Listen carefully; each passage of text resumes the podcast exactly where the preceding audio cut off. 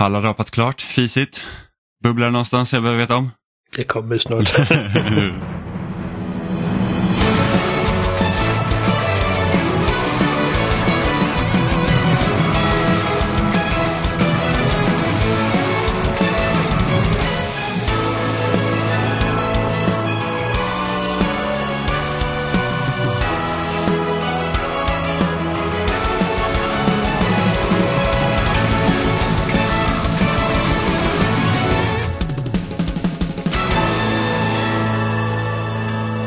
lyssnar på Spelsnack avsnitt 447 och idag är det jag, Jimmy och med mig har jag Amanda Goddagens. och Oliver, Hej! den nya biodlaren. Nej, nej, jag kommer inte skaffa egna bil, men det var... Är du säker? Du, blev Ja. inte, känner du inte jobb. så här, hur mycket jobb är det att vara biodlare? Eh, eller, det är mycket research framförallt kanske. På Man grund av, behöver ve- veta mycket. Eh, jag orkar inte ens... de har börjat prata om det, jag zonar ut.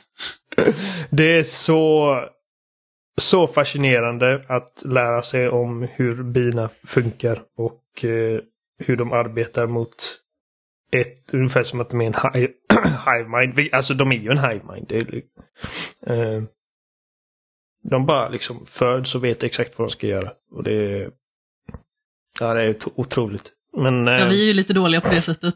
Vi vet ingenting när vi föds. Nej, alltså människor är helt värdelösa. Verkligen. Jag tror att... Jag menar, hur hade liksom... Äh, Fan vilken dum fråga jag höll på att ställa nu. Ja, nej, nu måste du ställa den för nu, nu vill vi veta vad den här frågan var. Vad skulle du ställa Oliver? hur hade ekosystemet förändrats om vi försvann tänkte jag säga. Jaha, okej. Alltså, Mm, Jorden hade äh, inte gått under. Jorden hade klarat sig jättebra utan något. Men jag tänkte liksom om, man- om man bortser liksom från vårt liksom klimatavtryck. Om vi tänker liksom för typ... Eh, eh, ja, typ 10 000 år sedan liksom. Mm. Eh, hur, hur mycket hade ekosystemet förändrats ifall vi försvann liksom. Eh, inte för att jag förväntar mig att vi ska ha en konversation om det. Det var bara liksom en tanke Mm. som slog mig. Alltså det hade förändrats ganska mycket men eh, förmodligen hade det kanske funnits en annat liksom Apex Predator som inte har någon eh, liksom naturlig fiende som tar över vissa saker. Sen har, man inte den här intelligensen så kanske man liksom inte liksom kan utrota allt som så men det, det är liksom det har ju varit flera gånger under liksom jordens levnadstid att, att arter kommer in, tar över och sen blir de övertagna och flyttar på sig lite så. så det, ja. Men förmodligen hade jorden klarat sig betydligt bättre än vad det gör just nu. Ja, jo. Nej, alltså om, om, om bina hade försvunnit, det, det hade verkligen varit dåligt. Det har varit förödande. Alltså. Så att man är otroligt bra miljövän om man eh, uppfostrar och tar hand om bin. Ja. Var det inte en svärmbin som hade kommit på fri fot i centrala Stockholm för ett tag sedan? Det har jag inget minne av. För mig att det var typ någon sån här hipsterbiodlare som bara, det är mina bin. Bin hade kört vilse, vad fan. Alltså, Det liksom, efter att ha gjort lite, alltså de som är intresserade, gå in på typ YouTube och, och liksom kolla så här beehive eller beekeeping. Och det, alltså jag lovar att det är mer intressant än vad jag får det att låta som. Eh, Googla inte på blommor och bin bara, det är något helt annat. ja, Eller googla på blommor och bin, det beror helt på vad man är ute efter. det, det kan, ifall du behöver lära dig om blommor och bin så kan man ju googla på det.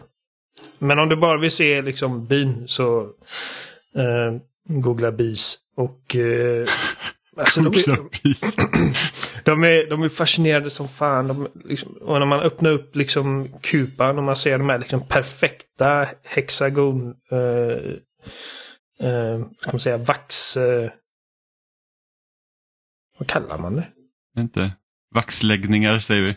Ja, jag kommer, inte- jag kommer inte ihåg. Eh, min svenska bara blir sämre och sämre. Men vad skulle du Ehm. säga vad det heter på engelska då? Eh, honeycomb. Ja, Okej. Eh, Ja. ja. Det är så jävla, det är så jävla coolt, eh, snyggt. Liksom, de lägger ett bi... Lägger ett gram honung. De liksom lyckas producera ett gram honung. Eh, Alltså om dagen eller per livstid? per livstid tror jag. Gud, Ehm, Och sen när de har fyllt upp en av de här cellerna som de kallas, de här liksom sexkantiga hexagoncellerna. Så skyddas de, så producerar de ett vax som läggs på båda sidor och då vet man att den är liksom klar. Och sen så kommer människan och bara tar allting. Mitt livsverk! Serveringsredo. Ehm, och det är så jävla coolt med typ hur, hur drottningen... Så, eh, jag visste inte vad, vad bina gör på vintern. Jag liksom tänkte att ja, men de typ fryser ihjäl eller någonting. Vilket är jävligt korkat av mig att tänka för att ifall, ifall alla bin bara fryser ihjäl varje vinter så hade de ju försvunnit. Men De ligger väl och vibrerar någonstans. ja, de, de lägg, alla bin lägger sig i en boll runt drottningen för att hålla drottningen varm. Eh, och liksom surrar. Och eh, de kontinuerligt liksom byter plats med varandra ungefär som en kö. Liksom att de som är ytterst liksom kommer närmare och närmare in och sen så kommer de ut bara för att de inte ska frysa ihjäl eller koka ihjäl. um, ja, det är jävligt coolt. Mm, fin balansgång. Ja. Men Amanda är ingen biodlare. Det är jag definitivt Nej, inte. men hur mycket började du vibrera av ex extas när du fick se nya Fire Emblem utannonseras? Väldigt mycket, måste jag säga. Mm. Ehm, Vibrerar. Jag hade en ganska så skruttig tisdag, måste jag säga. Så att jag eh, var inte jättepepp på någonting under majoriteten av dagen. Och det var nästan så att jag började gråta när jag såg att Fire Emblem utannonseras. När Stefan, vår gode vän, skrev det i chatten. Man bara, det var precis vad jag behövde idag. Tack så mycket. Mm. Fire Emblem Engage. Exakt, släpps i januari redan. Ja, det, det, är- det, det är rätt så kul med Nintendo faktiskt. Att det, det är att många av spelen de visar upp, det är inte så att åh nej, vi får se dem typ tre år, Metroid Prime. Men eh, vi liksom att man kan få ganska liksom tätt in på så att oh, okej, det här kommer ut om typ tre, fyra månader. Enjoy typ. Ja, men precis. Alltså, tiden från att det bekräftas till att det släpps är oftast eh, mycket snävare än vad det är hos de flesta ställen i och med att de liksom bygger upp en så långvarig hype på något sätt. Så vad hoppas du att Fire Emblem Engage ska innebära? Du som är liksom egentligen den här poddens största Fire Emblem-fan. Du kanske är ett lite dåligt fan på det sättet, men alltså, jag vill ju bara ha mer Fire Emblem. Alltså, jag vill ju ha liksom mer av det här strategispelandet som gör Fire Emblem så kul. Mm.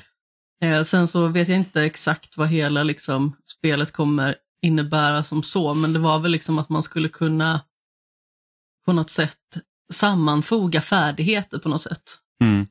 Och sen verkar de liksom, Nintendo har ju sin, jag vet inte, de senaste åren, egentligen sedan de släppte Switch, har de verkligen varit så här på en stor nostalgitripp. Med att de liksom hela tiden gör callbacks till deras gamla serier. Så att vi vet ju att Marth kommer ju ha en stor del i det här spelet också. Och jag tror att Det han var, uppskattas. Av vissa. Eh, Av och- jag. Ja, så att man liksom, det verkar som att man kan liksom då typ hitta själar av tidigare karaktärer och på så sätt liksom utöka sina krafter. Ja, men precis. Eh, och symboliken för det här är väl, eh, precis som en bekant sa, den här tandkrämstubs-karaktären. Jag måste ju bara säga att nu har, det här är andra spelet på rad där vi har en så otroligt ful protagonist i spelet. Alltså Byleth var ju inte så ful. Nej, men alltså, Ser ut som anime-Snape. Ja, men Därför döpte ja, den till Severus. mycket av Byleths fulhet Den kommer i namnet dessutom. Vad är Byleth för namn? Ja, det är faktiskt lite... Det är jättefult. Vad är Marth för namn? Ja, men Marth låter coolt. Ja, Marth och Roy. Roy låter ju inte Mm. jättehäftigt. Ike tycker jag också är liksom ett bra namn. Men Byleth, det är liksom en munfull av bokstäver. Ja, det ligger ju inte bra alltså. Nej. Och sen den här nya karaktären som av någon anledning tyckte att ja, men halva håret ska vara typ rött och halva håret ska vara blått så han ser ut som typ Spiderman i kalufsen. Det, det, är, det är ju, ja. Heter Colgate. Ja, men faktiskt. Vad kul han heter. Du får döpa din karaktär till Colgate. Jag undrar om man kommer kunna välja mellan man och kvinna den här gången också. För det kunde man ju i Three Houses. Det känns ju inte som en omöjlighet faktiskt. Mm. Det vore lite märkligt om de väljer att eh, gå tillbaka. Ja. Sen undrar jag lite hur de kommer göra med det här. För att, för att med Three Houses så var det ju helt nytt med att du var på den här skolan och liksom du Alltså hur spelet var upplagt, att det gick mer, det gick mer bort från det här att man, det var ett ganska så här tydligt narrativ som det var i, i, i tidigare eh, Fire Emblems där man faktiskt rörde sig liksom, genom en hel världskarta. Liksom. Så att det, det var som ett äventyr och sen hade man bataljer eh, längs vägen. Här var ju allt centralt, alltså Three Houses, då var ju allt centralt eh, till den här skolan som man hade.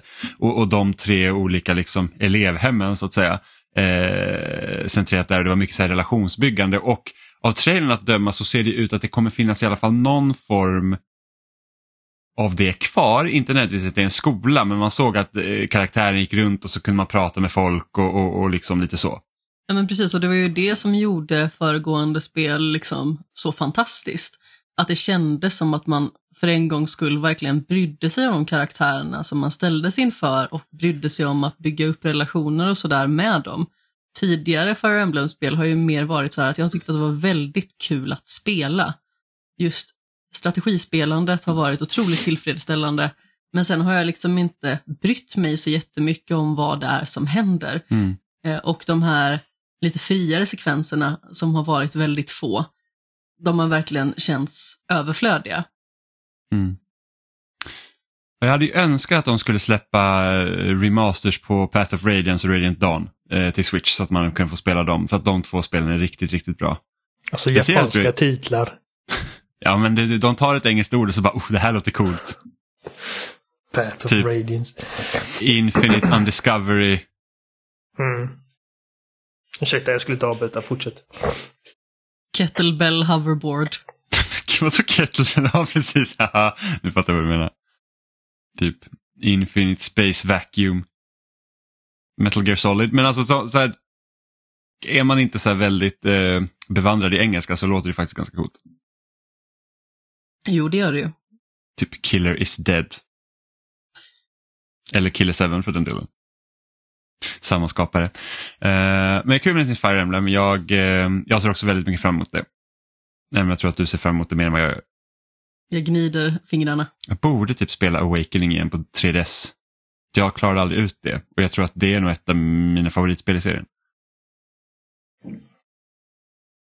Jag funderar lite på om jag faktiskt tog sista bossen. Jag tror inte att jag gjorde det. Jag vet att jag är fast i... Det är någon, något slag som utspelar sig i ett stort träd. Där är jag. Som man vandrar på grenarna och grejer. Det- Jag kommer ihåg att det var otroligt svårt. Sista bossen var äckligt svårt. Ja. Vad Ja, försöker, jag kan inte prata. Sista bossen var äckligt svår. ja. Eh, men Oliver, du, jag vet ju att du är lite, även om du inte spelar så mycket strategispel så vet jag att du är i alla fall ett smått Pikmin-fan. Ja, ja, ja, ja, jag gillar Pikmin. Så att hur pepp är du på Pikmin 4? Eh, någorlunda, alltså. För att det här är ju ändå ett spel som har varit jag tror att första gången vi fick höra någonting om att nästa Pikmin är på G, det var typ 2014 eller 2015. Det var så att det här Mm. spelet är nästan klart. och nu är det 2022 och eh, nu först fick vi veta att Pikmin 4 är på G. Precis, jag tror, att, jag tror att jag hade haft mer att säga om de, om de hade mer- att Ja, visa. hade faktiskt hade- liksom. precis.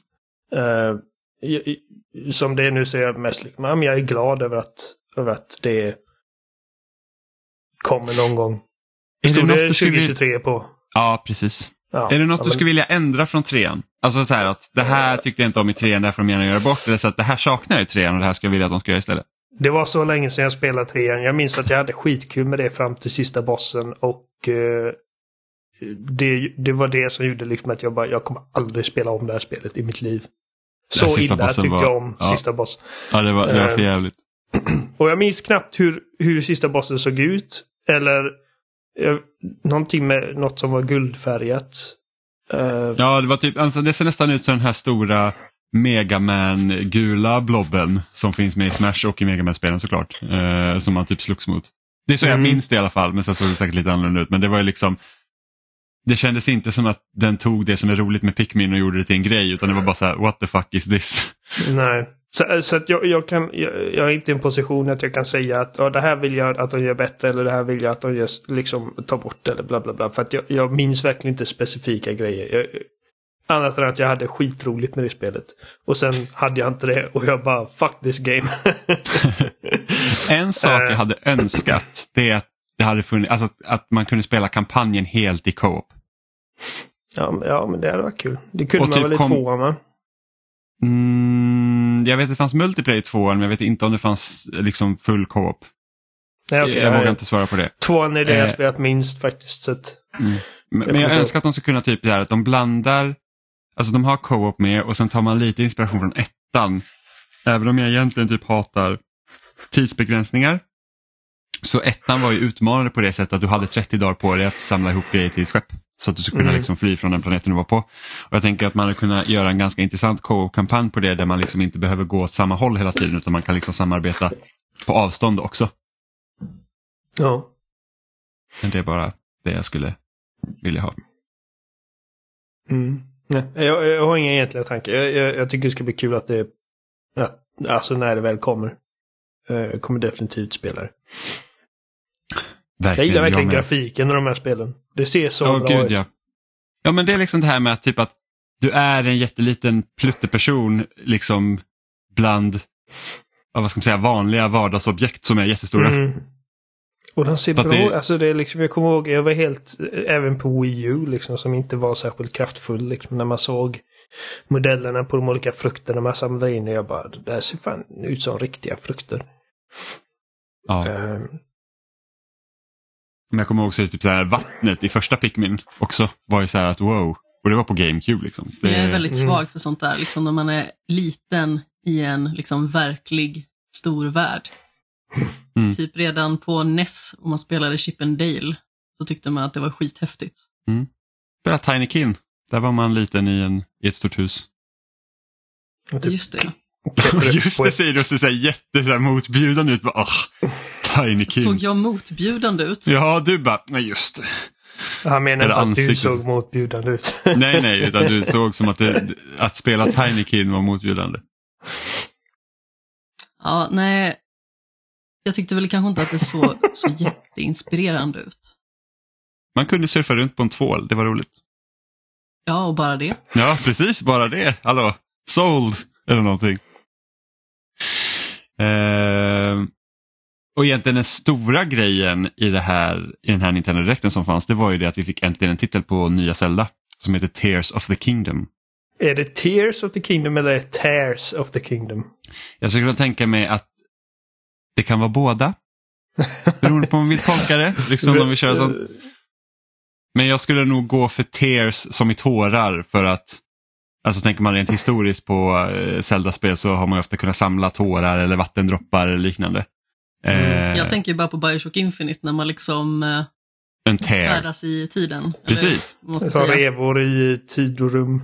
Ja. Precis. Och det skulle mycket väl Eh. kunna vara så här också med tanke på att de här flygande öarna som vi ser liksom över Hyrule och att, att en stor del av spelet ska utspela sig liksom i luften så att säga. Eh, gör ju det att vart kommer de ifrån? Kan de liksom, har det slagit spillror från eh, kartan under? Eh, kommer vi resa i tiden i det här spelet för att vi har sett typ två versioner av Link? En där han ser ut som han gjorde typ i Breath of the Wild och en där han liksom har mer ja, annan frisyr och, och ser ut att komma liksom från dåtiden så att säga.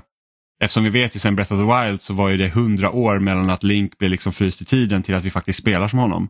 Mm. Och det har hänt massa saker däremellan så att, och, och det är hela tiden Hair of Time och bla bla bla. Så att det, det är mycket mer att det ska kunna finnas en tidsaspekt i det hela också. Det finns ju väldigt mycket tidsaspekter i Zelda liksom som serie, Ja, helhetsmässigt. Ehm, jag bryr mig inte så mycket om vad ordet betyder. Jag tänker bara för att jag vill veta hur jag ska uttala det. För jag ska säga Mm. tears eller tears. För att... eh, Vi säger Tears. Vi, vi klubbar, det, vi klubbar Ja. det här nu. Eh, inte så mycket som visades. Eh, alltså, de stora grejerna är väl att man fick en titel så man kan sluta kalla det för Breath of the Wild 2 och eh, att det kommer den 12 maj. Vilket är, Ja, det var tidigare än jag trodde. ja, samma här. Men jag tror att det är en bra månad för dem också. Åh gud ja. Visst låter det lite bisarrt när man tänker på att det är sex år mellan spelen? ja. Det känns inte alls som att det har gått så lång tid. Nej, Verkligen precis. inte.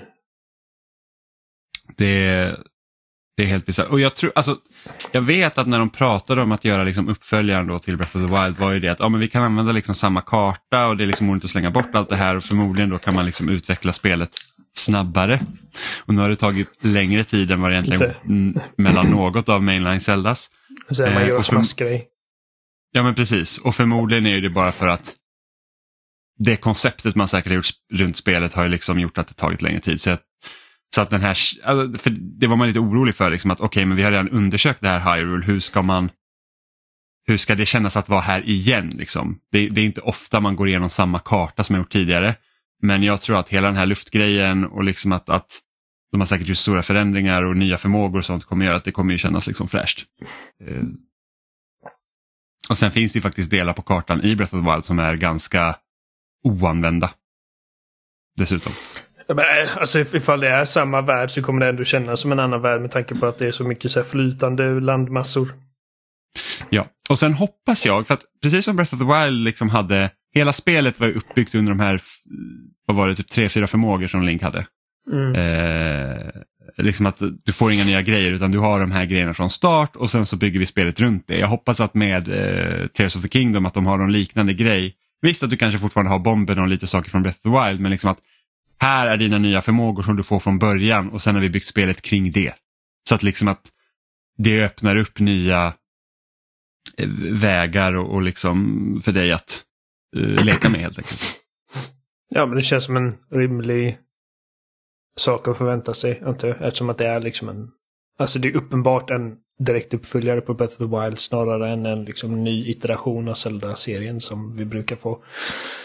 Um, Tror du att vi kommer få riktiga Dungeons den här gången? Ja, det, det är väl det som, alltså, det är väl det som är frågan. För att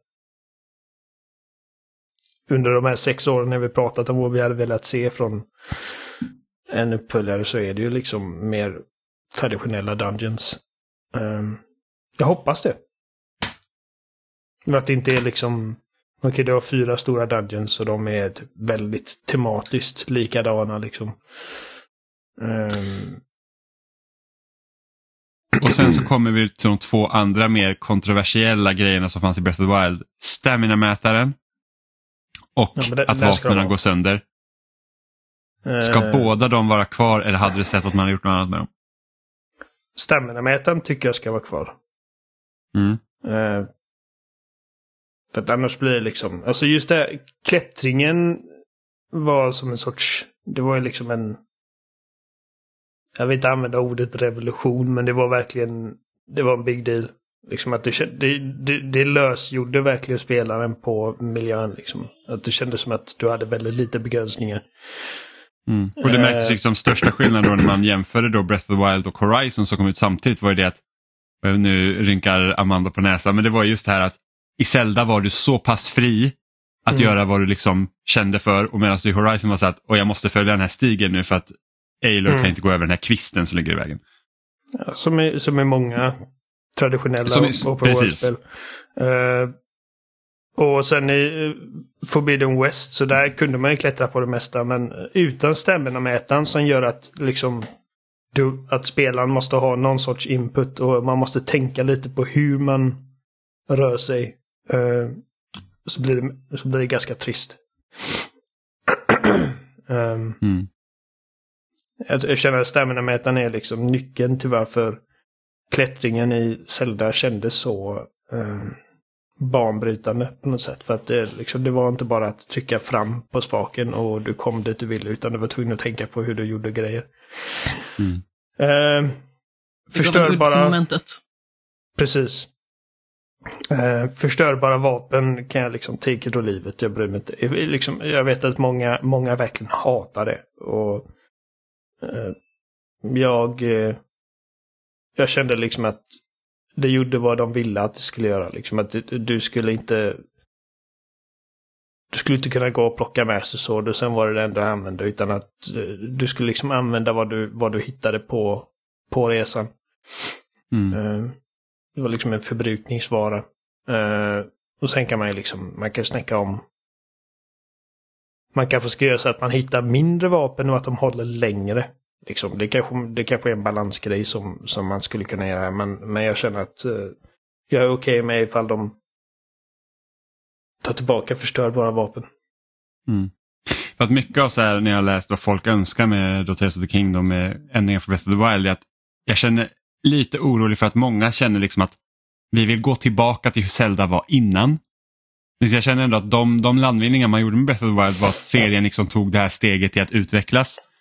För att jag kommer ihåg innan när, när Skyward Sword kom och jag vet att både du och jag gillar ju det spelet jättemycket Oliver. Men det var ändå så här Mm. att det är Zelda och sen när Breath of the Wild skulle komma så jag hade ju inte förväntat mig att åh, nu ska vi få spela någon form av Zelda-revolution utan det var ju bara så att jag hoppas på mycket men jag tror att det blir det här. Liksom att, att det, det, det blir, de försöker göra kanske lite Ocarina of Time igen. Eh, vi, vi får se alla de här grejerna som vi har fått se tidigare och sen när man faktiskt satt och spelade så var det bara så att det här ändrar ju typ allt. Mm. Eh, och jag, är, Och, och jag men, hoppas ju att de fortsätter lite av det spåret, att, att de inte backar. I så fall får de liksom göra något annat, liksom, ytterligare utveckla konceptet. Men jag vill liksom inte att vi, vi får en återgång till liksom det traditionella Zelda som det såg ut från Ocarina of Time och framåt, eller egentligen Link to the Past och framåt. Nej, alltså det finns, ju, det finns ju grejer med Breath of the Wild som jag känner gjordes bättre i tidigare spel eller saker som jag föredrar. Jag... Dungeons är en sak som vi redan nämnt, men en annan, liksom storyn tycker jag är eh, ganska lidande i Breath of the Wild. Ehm.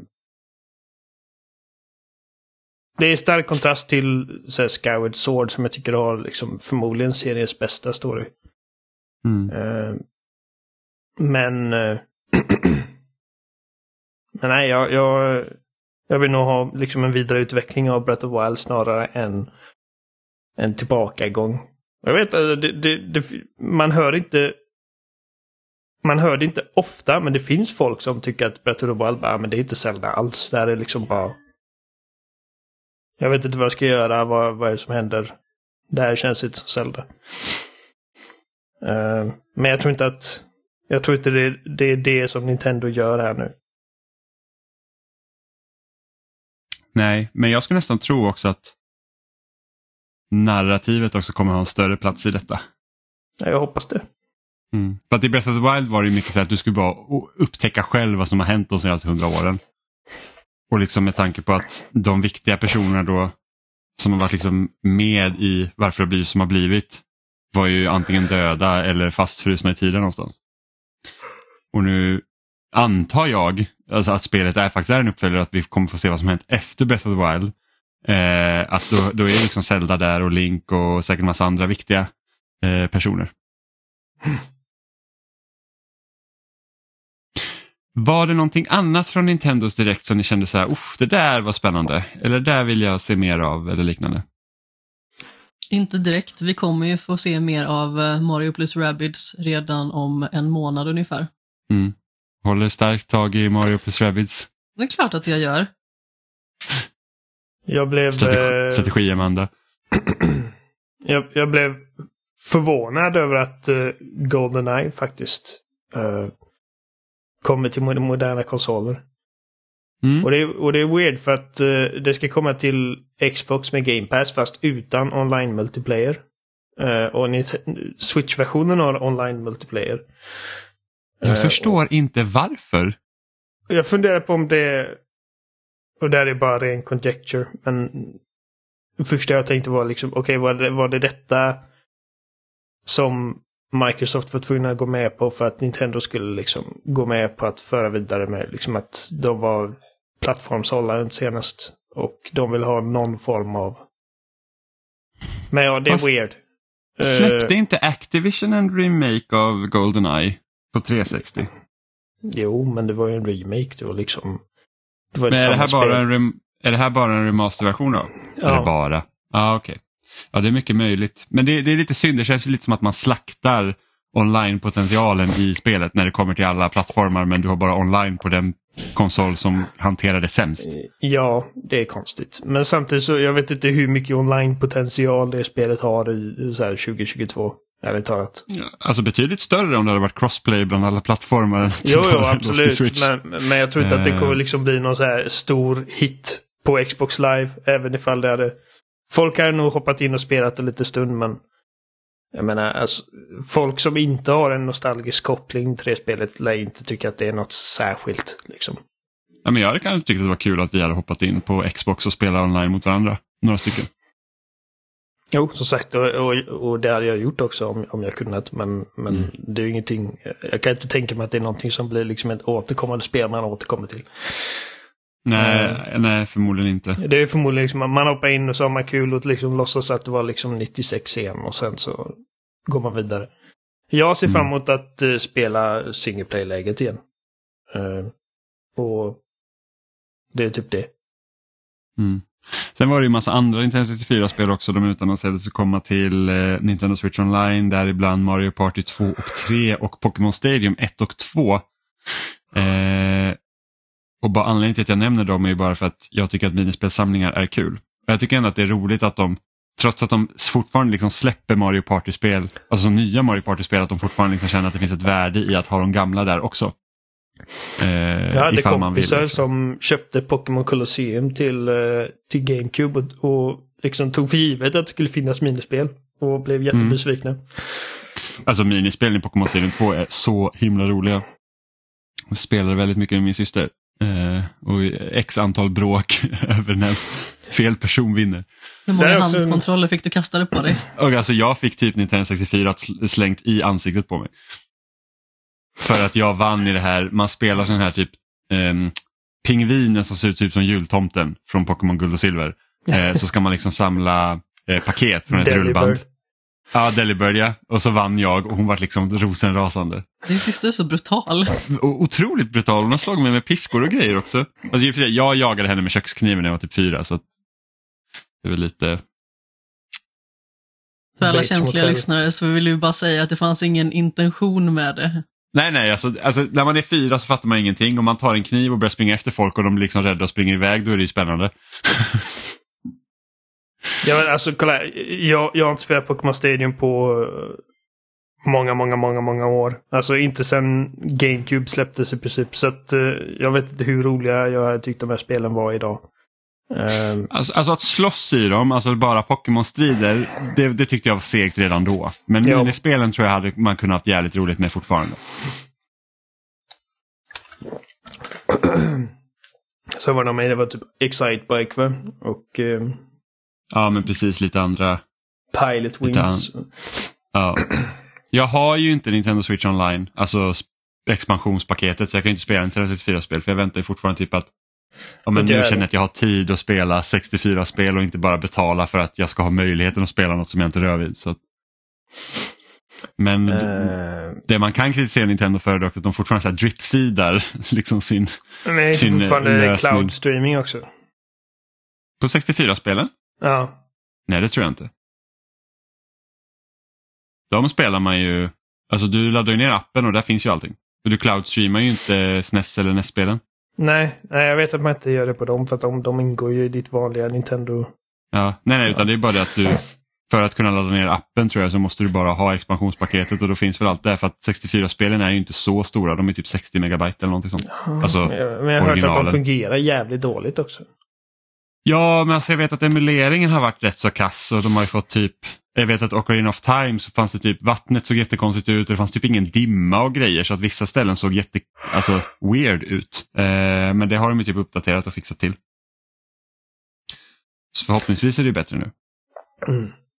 Men jag vet att typ online i Mario Kart 64 hade ju fungerat riktigt risigt. Och sen uh, Bayonetta 3 ser fortsatt rätt risigt ut. Eh, Jag gillar att det var din take. Det ser risigt ut. ja, det ser fan risigt ut. Det, jag vet inte, när första spelet kom så det liksom det, det var fräscht och nytt och det kändes liksom... eh, Det hade något. Ja, det hade något. Och sen tvåan kom på Wii U och det var 2014. Nu är det liksom 2022 och det ser sämre ut än de föregående spelen. Rent grafiskt. Och liksom, Ja, och- det ser och- lite weird ut. Inte bara tekniskt utan även designmässigt. Allting är så jävla grått och urvattnat och... Jag vet inte, jag är inte alls... Men... ehm, jag har kollat ett par previews och folk som faktiskt spelar säger att det känns riktigt bra. Så att jag kommer fortfarande köpa det och hoppas liksom att det, det här jag känner är liksom bara baserat på det liksom visuellt ser ut. Ehm. Men jag Mm. menar, när, när, när, jag har eh, tagit alla achievements i Devil May Cry 5 Special Edition nyligen och eh, efter att ha spelat Vilken det överraskning. Ja. Jag har tagit alla achievements i både Special Edition och original eh, releasen. Eh, Det är lite imponerande ändå. Ja, jag är ganska stolt över det faktiskt. För det är fan inte lätt. Nej. Eh, att eh, S-ranka allting på alla svårighetsgrader. Ehm, men, men min poäng var liksom att, att när, när, man har, när man går från Devil May Cry 5 som är så här hysteriskt välpolerat och med enorma produktionsvärden och riktigt jävla snyggt med eh, RE Engine och så ser man detta som visserligen är på en switch så man kan inte förvänta sig liksom lika snygga spel på den maskinen men, men det, ser, det, ser fan gammalt ut alltså. Jag, Det hade varit Ja. kul att det inte såg ut att vara typ 15 år gammalt när det släpps. precis. Eh, Eh, Switch börjar ju bli till åren Ja, faktiskt. men, men, jag, känner, Eh. men jag, jag upplever inte det med allt jag spelar på Switch. Liksom. Jag menar, Splatoon Nej. känns inte som att det är 15 år gammalt. Um, Nej men precis. varje gång man spelar men- ett Mario-spel känns det inte så. Eller liksom... Nej men det var bara att se typ It takes two-versionen som ska komma till Switch. Mm. Alltså den var ju verkligen grisful. Du vet, typ, Ja. Man såg ju ansiktet på de här eh, mamman och pappan och man var så här, alltså, det ser knappt ut som ett ansikte, det är bara suddig gröt. Ja. Så att, ja, det är inte lätt. Eh, men det var inte bara Nintendo som hade en visning den veckan utan Playstation hade ju också sin State of Play i september, samma dag till och med eh, som Nintendo och där fick vi också se en hel del godbitar. Heja Batman Ninjas.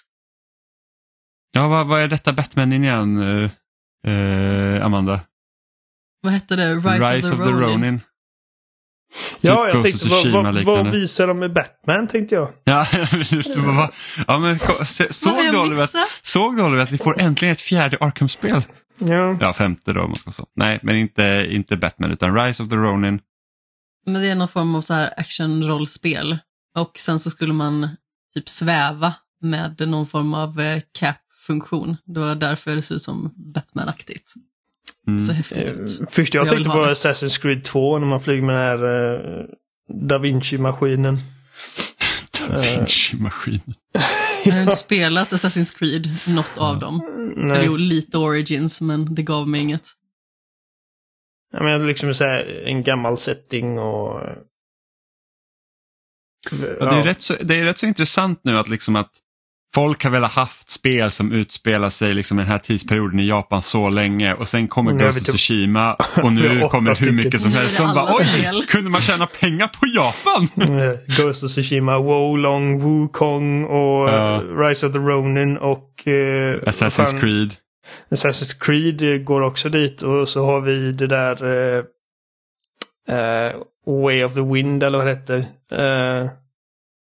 Är det det som ska utspela sig i Kina? ja, nu lumpar vi ihop Ja. Japan och Kina. eller Ja, jag precis. gör Det. Men, Alla men liksom, asiatiska länder är likadana. Det är väl bara ett land? Ja, men alltså Wolong är ju inte... Det, det utspelar sig också i Kina här för mig. Um, Mm. Men det är liksom lite mer åt den. Det ser mer liknande- liknande ut. Ancient, ancient eh, Asia liksom. Och, Mm. Ja, Precis och sen är som- Trek to Yomi också som släpptes tidigare i år. Mm. Ja, precis som alla efter att Skyrim blev liksom som en himla hit då fick vi massa spel som mer såg ut liksom som medeltiden då. Liksom Dragons Dogma och lite annat. Detta är alltså Team Ninja. ehm, som också håller på med Wolong. Som kommer till både Xbox och Playstation. Detta verkar bara komma till Playstation. För att jag Mm. tror att de sa att det var så här console exclus- exclusive. Ehm, Precis. Och detta ser bra ut. Alltså eh, med både svärd och skjutvapen och eh, blodigt och frenetiskt ut. Jag... Eh, jag vill ju ha liksom nästa Ninja-guiden. Även om det inte är Ninja-guiden 4. Så vill jag ha liksom nästa liksom bara pure action game från dem. Och detta ser ut att vara, även om de liksom beskriver det som ett actionrollspel så ser det ändå ut att vara mer åt det hållet än Wolong. Mm. Undrar om Eh. det kommer vara... Sa de någonting om att det kommer vara open world eller är det bara något som jag antar nu? Jag tror inte de Eller vi kanske inte vet någonting liksom. Jag, vill- jag... Jo, okej här. På IGN står det Neo Developer announces Open World Samurai Game. Ja, okej. Mm. Så, ja. Det är spännande. Jag hade gärna velat haft typ ett samurajspel som baseras på Lone Wolf and Cub. När man spelar som en så här äldre samuraj som ska hämna sin familj eh, från typ de som har makten i Japan vid det här tillfället och sen så har man med sig sin son som är liksom en liten, alltså han är typ två år. Eh, och så reser man runt som det som liksom en gammal man och sen så typ, ja, så tar man på sig olika uppdrag och, och typ, försöker liksom hitta då de som har typ förrått. The Last of Us eller God of War. Man ja, men liksom lite åt det hållet. Liksom. Mm. Uh, och sen så, mina favoritdelar i den serien det är liksom kapitel när man bara får följa liksom pojkens synvinkel för att han kan inte prata. Eh, och då är det liksom bara, det är manga då, för de som mm. inte visste, eh, så då är det liksom bara bildspråket som får tala för det. Så det, det, är faktiskt väldigt, väldigt, väldigt... Men ändå kul med liksom att vi får Kul att spel inte är så himla centrerade kring eur, liksom europeisk kultur och amerikansk kultur att vi faktiskt börjar få se liksom från mer andra länder. Även man kan inte säga att, så här att och Japan är det mest annorlunda någonsin eftersom spel mycket kommer från Japan men liksom att vi också får se Ja men de det är inte, kulturerna. det är inte liksom JRPG-grejen liksom med anime nej, nej, men precis. utan det är riktiga, mm. riktiga japanska eller kinesiska eh, Det är baserat, liksom, baserat på någon form, även om det är liksom mycket typ friheter som tas, men ändå liksom ja. någonstans på deras, historiskt eh, baserat. Ja. Och där är ju någonting som faktiskt Assassin's Creed har gjort bra, att vi har fått se väldigt många olika berättelser i Assassin's Creed. Även om det också har varit väldigt mycket så centrerat kring Europa också. Eh, och det pratade vi om redan om förra veckan vill jag minnas, det här med att det var så synd att Valhalla utspelar sig i Storbritannien för att ett, vi har varit i London tidigare och vi har ju inte haft ett spel som varit centrerat kring Skandinavien. Nej. Så det var lite synd. Men ja, Rise of the Ronin ser jätte, jättebra ut. Och sen Like a Dragon Ishin är ju också liksom liknande Ja, det är faktiskt genre. sant. Det, det är väl samuraj-eran som det är fokus på. Ja, men precis ett Yakuza-spel spin-off då. Eh, de verkar ju döpa om den serien i väst till Like a Dragon nu. För att det heter ja. inte Yakuza. Så det här spelet har ju funnits länge i Japan. Ja, men precis. Eh, men det är först nu det kommer till, eh, till väst. Och det heter Like a Dragon Ishin. Ja, det märkte man även för att uh, RGG Studios som utvecklar Yakuza-spelen då, de uh, vi har ju egentligen då Yakuza 8 som kommer heta Like a Dragon 8 här. Mm. Eh, som de utannonserade så att de verkar droppa Yakuza hela, helt och hållet. Och sen så hade vi också det här som man trodde då att de hade droppat Kiryu. Liksom de var så här, Yakuza 6, det är Kiryus sista resa, sen liksom det, det är över, Kiryu är död. Han, inte nog med att han kommer vara med i Like a Dragon 8, han kommer även att få ett till spel med sig som kommer spelas mer som de traditionella Yakuza-spelen som vi har spelat tidigare. Eh, nu minns inte jag vad det spelet heter. Eh, det ska i alla fall brygga mellan... Nu ska jag kolla mina... Eh, där, Like a Dragon-guiden, The Man Who Raised His Name. Eh, är då ett spel som ska utspela sig mellan Yakuza 6 och Yakuza 7. Eh, och som där man kommer få spela som Kiryu. Så att, Han har hans resa fortsätter. Pojk, eh, pojkbandsfrisyr nu, fast typ gråhårig. Jag gillar det också. Det är så här, hmm, hur ska vi göra så att Kirju ser äldre ut? Vi, vi ändrar hans frisyr, jag har nog lite grått hår men det har inte hänt någonting i ansiktet. Han ser precis ut som han gjorde typ i Yakuza Zero. Men jag måste ändå säga att jag tycker att Kirju typ är en av de bästa protagonisterna i spel någonsin. Så att jag är bara skitglad att jag kommer få spela mer som Kirju. Jag gillar Kirju. Men det och att de då fortsätter av... lite eh, med eh, att de bara fortsätter lite med, med liksom här att om man vill ha det här brawl style på spelet så kommer det liksom lite mer sånt också, inte bara då i det här eh, turordningsbaserade som du Men, har spelat lite av äh, Oliver. Undrar om det är liksom att när man spelar eh, Kiryu så är det en brawler och när man spelar Ichiban så är det en uh, turbaserad uh, liksom affär. Ja, att, jag skulle inte tro det i åttan. Men jag kan inte säga säkert. För det är så, för att Anledningen till att, som jag nämnde här av veckan, är att anledningen till att det liksom story-anledningen till att det är eh, liksom, omgångsbaserat är för att Ichiban tycker att det är det liksom hederliga sättet att slåss. mm. ja, ska, han, ska han droppa det då liksom till nästa spel? Jag vet, ja. Men det beror ju på om du spelar Alltså kommer du spela som Kiryu i Like a Dragon 8 eller kommer du spela som Ichiban ja, och sen så börjar Kiryu med dig? Och då det, ser man det från Ichibans perspektiv så borde det fortfarande made sense. Och det är helt möjligt att de har gjort Kiryus fighter till omgångsbaserade också. Liksom. Mm. Jag tycker det roligaste med Kiryu är att han alltid är så jäkla förvånad när skit händer. Man bara, du borde inte bli förvånad över det här längre. Hur är det ens möjligt? Det här har hänt hela din vuxna karriär inom Yakuzan. Det är liksom så att det kommer komma typ tre twists på rad i slutet. Bara, Åh nej, någon återvänder från de döda. Nanny. Ja, nanny.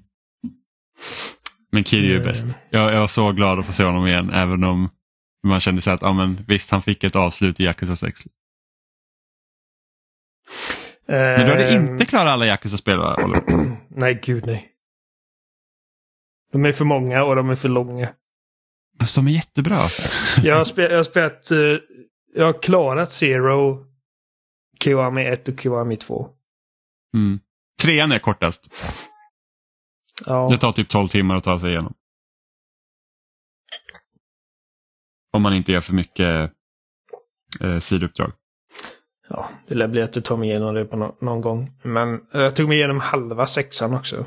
Men, Mm. men det, det greppar mig inte lika mycket. Nej, Zero är fortfarande bäst tycker jag. Ja, det är definitivt bäst. Alltså det, det är verkligen riktigt, riktigt bra.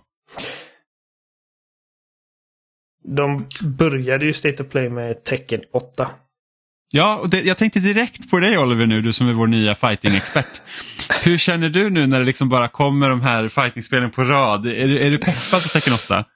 Eh, jag vet inte, för att nej, nej, det ska jag inte säga att jag är. Eh, Och, och varför inte? Men jag vet att vi har ju pratat om Street Fighter 6, att vi är ganska peppade båda två, för det känns som mm. att vi båda kan få liksom lite av en start i, i fightingspelsgenren. Men var, var, vad gör då att du liksom Ja, så här peppar eh, på Street Fighter 6 men inte Tekken 8? Jag bara gillar Street Fighter mer än Tekken. Ah, okay. Jag känner att det är lättare att eh, ta sig in i. Eh, vilket är weird för att jag spelade en jävla massa Tekken 3 när jag var yngre. Ja, Tekken var det första... Nej, det var det inte alls. Nu ljög jag. Fatal of Fury var det första fightingspel jag körde, men Tekken har jag kört en del också när jag var yngre. Och det, men jag, då tyckte det var, det var lätt att bara hamra på knapparna. Men så här i vuxen ålder när jag vill liksom förstå lite mer vad det är jag håller på med så känner jag, jag har funnit bättre fotfäste i, i Street Fighter. Och sen tycker jag bara Street Fighter har så jävla mycket coolare estetik än Tekken. Du Tekken vill är inte liksom... kunna spela som en panda? Eh, nej. Eh, men pandan är inte problemet, det är alla andra i princip. Det är liksom, alltså jag, jag känner till Jin och jag känner till Heihachi och jag känner till liksom Yoshimitsu och de här liksom ikoniska karaktärerna. Och sen finns det 20 andra karaktärer som bara ser ut som random folk. Medan i Street Fighter så är alla väldigt färgglada och... Eh, ja, det var, eh, ja, nej. Estetiskt så, så har tecken ingenting på Street Fighter tycker jag. Jag väljer alltid pandan endast baserat på att det är en panda. Ja, men det, är inget, det, är, det är inte ett dåligt sätt att välja karaktärer på. Nej. Man, man, liksom, man hittar en karaktär och så bara, jag gillar utseendet på den här och sen så blir man bra på den. precis. Eller inte bra på den i, i mitt fall då, men man kan Och ju det försöka. ifall man googlar liksom typ best starting character bla bla för något spel så eh, ett svar man ofta får är bara välj någon du tycker ser cool ut och så läder du den karaktären för alla har sitt djup liksom. Mm. Eh, Det, det roligaste var dock att jag blev väldigt pepp på Tekken 8 och det är ditt fel Oliver. ja. Ja, För jag var såhär, jag bara, åh, jag och Oliver kan spela Tekken 8 också så kan vi jämföra. Så du får, du får vara med mig på Tekken 8-svängen också. eh, ja, ja, det kan väl vara inte. Men rent, Forcerad peppighet. ja men precis, men jag måste säga bara rent grafiskt när man tittar både på Street Fighter 6 och eh, Tekken 8 så måste jag säga att alltså jäklar vad väl detaljerade karaktärerna är. Ja, det är de. Det, och, jag menar, även om jag, jag har suttit där och raljerat de är mycket bättre jag tycker Street Fighter ser ut. Så liksom på ett rent tekniskt plan så ser det här jättebra ut. Verkligen. Eh, Jimmys reaktion när vi såg trailern var kolla på deras muskler. Ja men alltså. Kolla så de spänns. Ja men det är liksom så här, det är Alltså, helt bisarrt att det går att göra så. Alltså det är typ samma sak om man ihåg på reveal-trailern på Street Fighter 6. Då får man liksom se Ryus eh, liksom bröstmuskler liksom bara spännas. Det är bara så här som är liksom, du vet det här dragspelet. Bara, och man bara alltså någon har programmerat det där. Ja. Liksom, eh, det, för det vet jag, det var också en grej med God of War 2018. Liksom att hur Kratos muskler rör sig med hans rörelsemönster. Liksom att man har försökt simulera hur musklerna skulle bete sig på riktigt. Inte bara det att oj men här sträcker Kratos på sig så bara dras liksom alltså riggen ut eller vad man säger. Utan det var liksom faktiskt okej men nu har vi liksom programmerat så att så här skulle musklerna se ut och röra sig och då försöker man liksom Hur de härma eh, det. kontraheras och expanderas till exempel. Ja, helt bisarrt. Det, det är liksom så fascinerande över att det fungerar så. och vi fick ju faktiskt se en, en, en, en första, liksom, eller ja, en första, det är egentligen andra stora trailern på God of War Ragnarok. Eh, Vilken som- trailer. Tycker Ä- du? ä- Ja, alltså jag skrek rakt ut på, slu- på slutet, ärligt talat. Ah! Eh, ja, jag bara Åh! När, eh, alltså först, jag bara tyckte det så jävla coolt ut när Atreus skjuter en pil mot eh, solen och himlen bara liksom drar sig undan och, och månen kommer fram och den här vargen hoppar upp. Alltså bara allting på ett liksom nordiskt mytologiplan så ser det så jävla rikt och, och, och spännande ut. Och sen när Kratos kastar Leviathan mot uh, Thors uh, Mjolnir och jag bara gud helvete fy fan. Den här, den här fighten kommer bli så jävla massiv. Jag Eh. undrar om vi fick se väldigt mycket i trailern eller om vi egentligen fick se väldigt lite. Liksom att, att det, här, alltså det här som vi får se i trailern, man tänker så att oj vad mycket vi fick se, men så, så här, tänk om mycket av de här grejerna händer rätt så tidigt i spelet. Ja, och vi bara eh, tror att det liksom händer liksom över spann av ett 20-30 timmar. som, som, som en person som, som ser väldigt mycket fram emot det här så känner jag att de gick en bra balansgång i att liksom visa tillräckligt mycket för att göra mig ännu mer excited. Utan att liksom ge bort för mycket detaljer kring storyn. Ehm, men jag vet också att uh, någon på Santa Monica twittrade så här liksom någon minut efter och bara jag garanterar att vi bara skrapat på ytan. Med den här Mm. trailern. Ehm, jag, vet, alltså, jag, bara, jag, jag är så jävla pepp på det här spelet. Jag kan, jag kan inte bärga mig. Och jag tycker eh, Richard Schiff. Jag vet inte om han, han kanske är mest känd för sin roll i eh, eh, vad heter den? The White House eller? Det kanske heter Vita huset på svenska. Eh, Ja, precis. Men han är även eh, känd som killen som blev sliten i två delar av två T-Rexar i The Lost World. Eh, vilket är en av de mest upprörande dödsfallen i hela Jurassic Park-serien. Eh, men han, han, är, han är en grym skådespelare och eh, när jag hörde att det är han som spelar Odin, jag bara makes perfect sense. Mm. Och jag älskar hans voiceover i, i trailern. Um, han snackar om liksom att vad fan vet du om att vara en gud liksom. Vilka har tillbett dig och dyrkat dig. Eh, Mm. Du är bara liksom en mördarmaskin. Eh, Mm. Ja, men jag gillar att de fortfarande liksom gräver i, i, Kratos. i Kratos liksom, eh, ursprung och liksom i, i, förra spelet så var det väldigt mycket inifrån Kratos själv. Mm. eh, som, som liksom hade de konflikter och nu verkar det som att nu öppnar de liksom upp den nordiska mytologin och vi kommer få se mycket fler personer. För att, för att förra spelet var det egentligen bara Balder och Freja till stor del vi liksom hade kontakt med. Mm. Eh, men, ja men precis, men nu har vi ju liksom nu kommer flera av de här olika gudarna in som vet om vem Kratos är uppenbarligen då. Mm. Eh, och liksom så att veta om vad han har gjort och då är det liksom så här okej men nu är det dags för dem också att döma honom kan man väl säga. Korten Eh, och hur det bordet. hanteras. Och, Precis. eh, en grej som visar sig i trailern också som jag tyckte eh, är intressant är att det verkar som att det är Treyus som är liksom den drivande kraften i den här, i den här storyn. Eh, Mm. För han säger liksom att vi, vi bara liksom följer din varje liksom whim. Eh, och jag förstår inte vad det är men jag följer dig ändå. Ungefär som att och han bara du måste lita på mig, jag vet vad jag gör. Och Kratos har ingen Mm. aning verkar det som. Liksom, han bara, han bara tvingas lita på att hans son vet vad, vad de är på väg och vad de behöver göra. Och Mm. jag tycker det Ja, det jävligt ska bli intressant spännande. att se liksom hur hans roll som Loki expanderas. Att han liksom finner att han har ett större syfte i den här världen.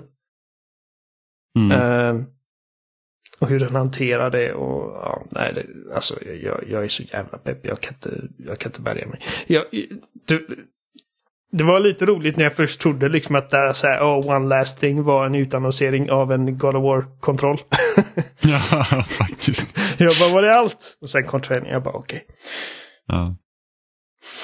Ja, nej, men det, jag, jag är faktiskt väldigt pepp på God of War. Alltså, det är 2018. Jag skulle nog säga att av Sonys egna liksom, stora exklusiva titlar till PS4 så är det God of War som är det bästa. Ja, ja, jag tror också det. Vad tycker du då Amanda som ska ruska på huvudet? Horizon Zero Dawn. Ja, just det. Fel val. Nej, det är Days Gone. Days Ja, Gone Days Gone är bättre än Horizon. Ja. Nu går vi vidare. Eh, men det var faktiskt ett annat spel jag tänkte på också på, eh, på den här visningen som heter ehm, Det var här man kör den här bilen. mm. Pacific Drive. Pacific Drive, så heter det, tack. Eh, jag tyckte bara så himla intressant grej att det verkar vara någon så här postapokalyptisk spel, men alltså du kör en bil. Och det, Det ska verkar vara en liksom det vad det är. Nej, säg inte det! Har jag hört.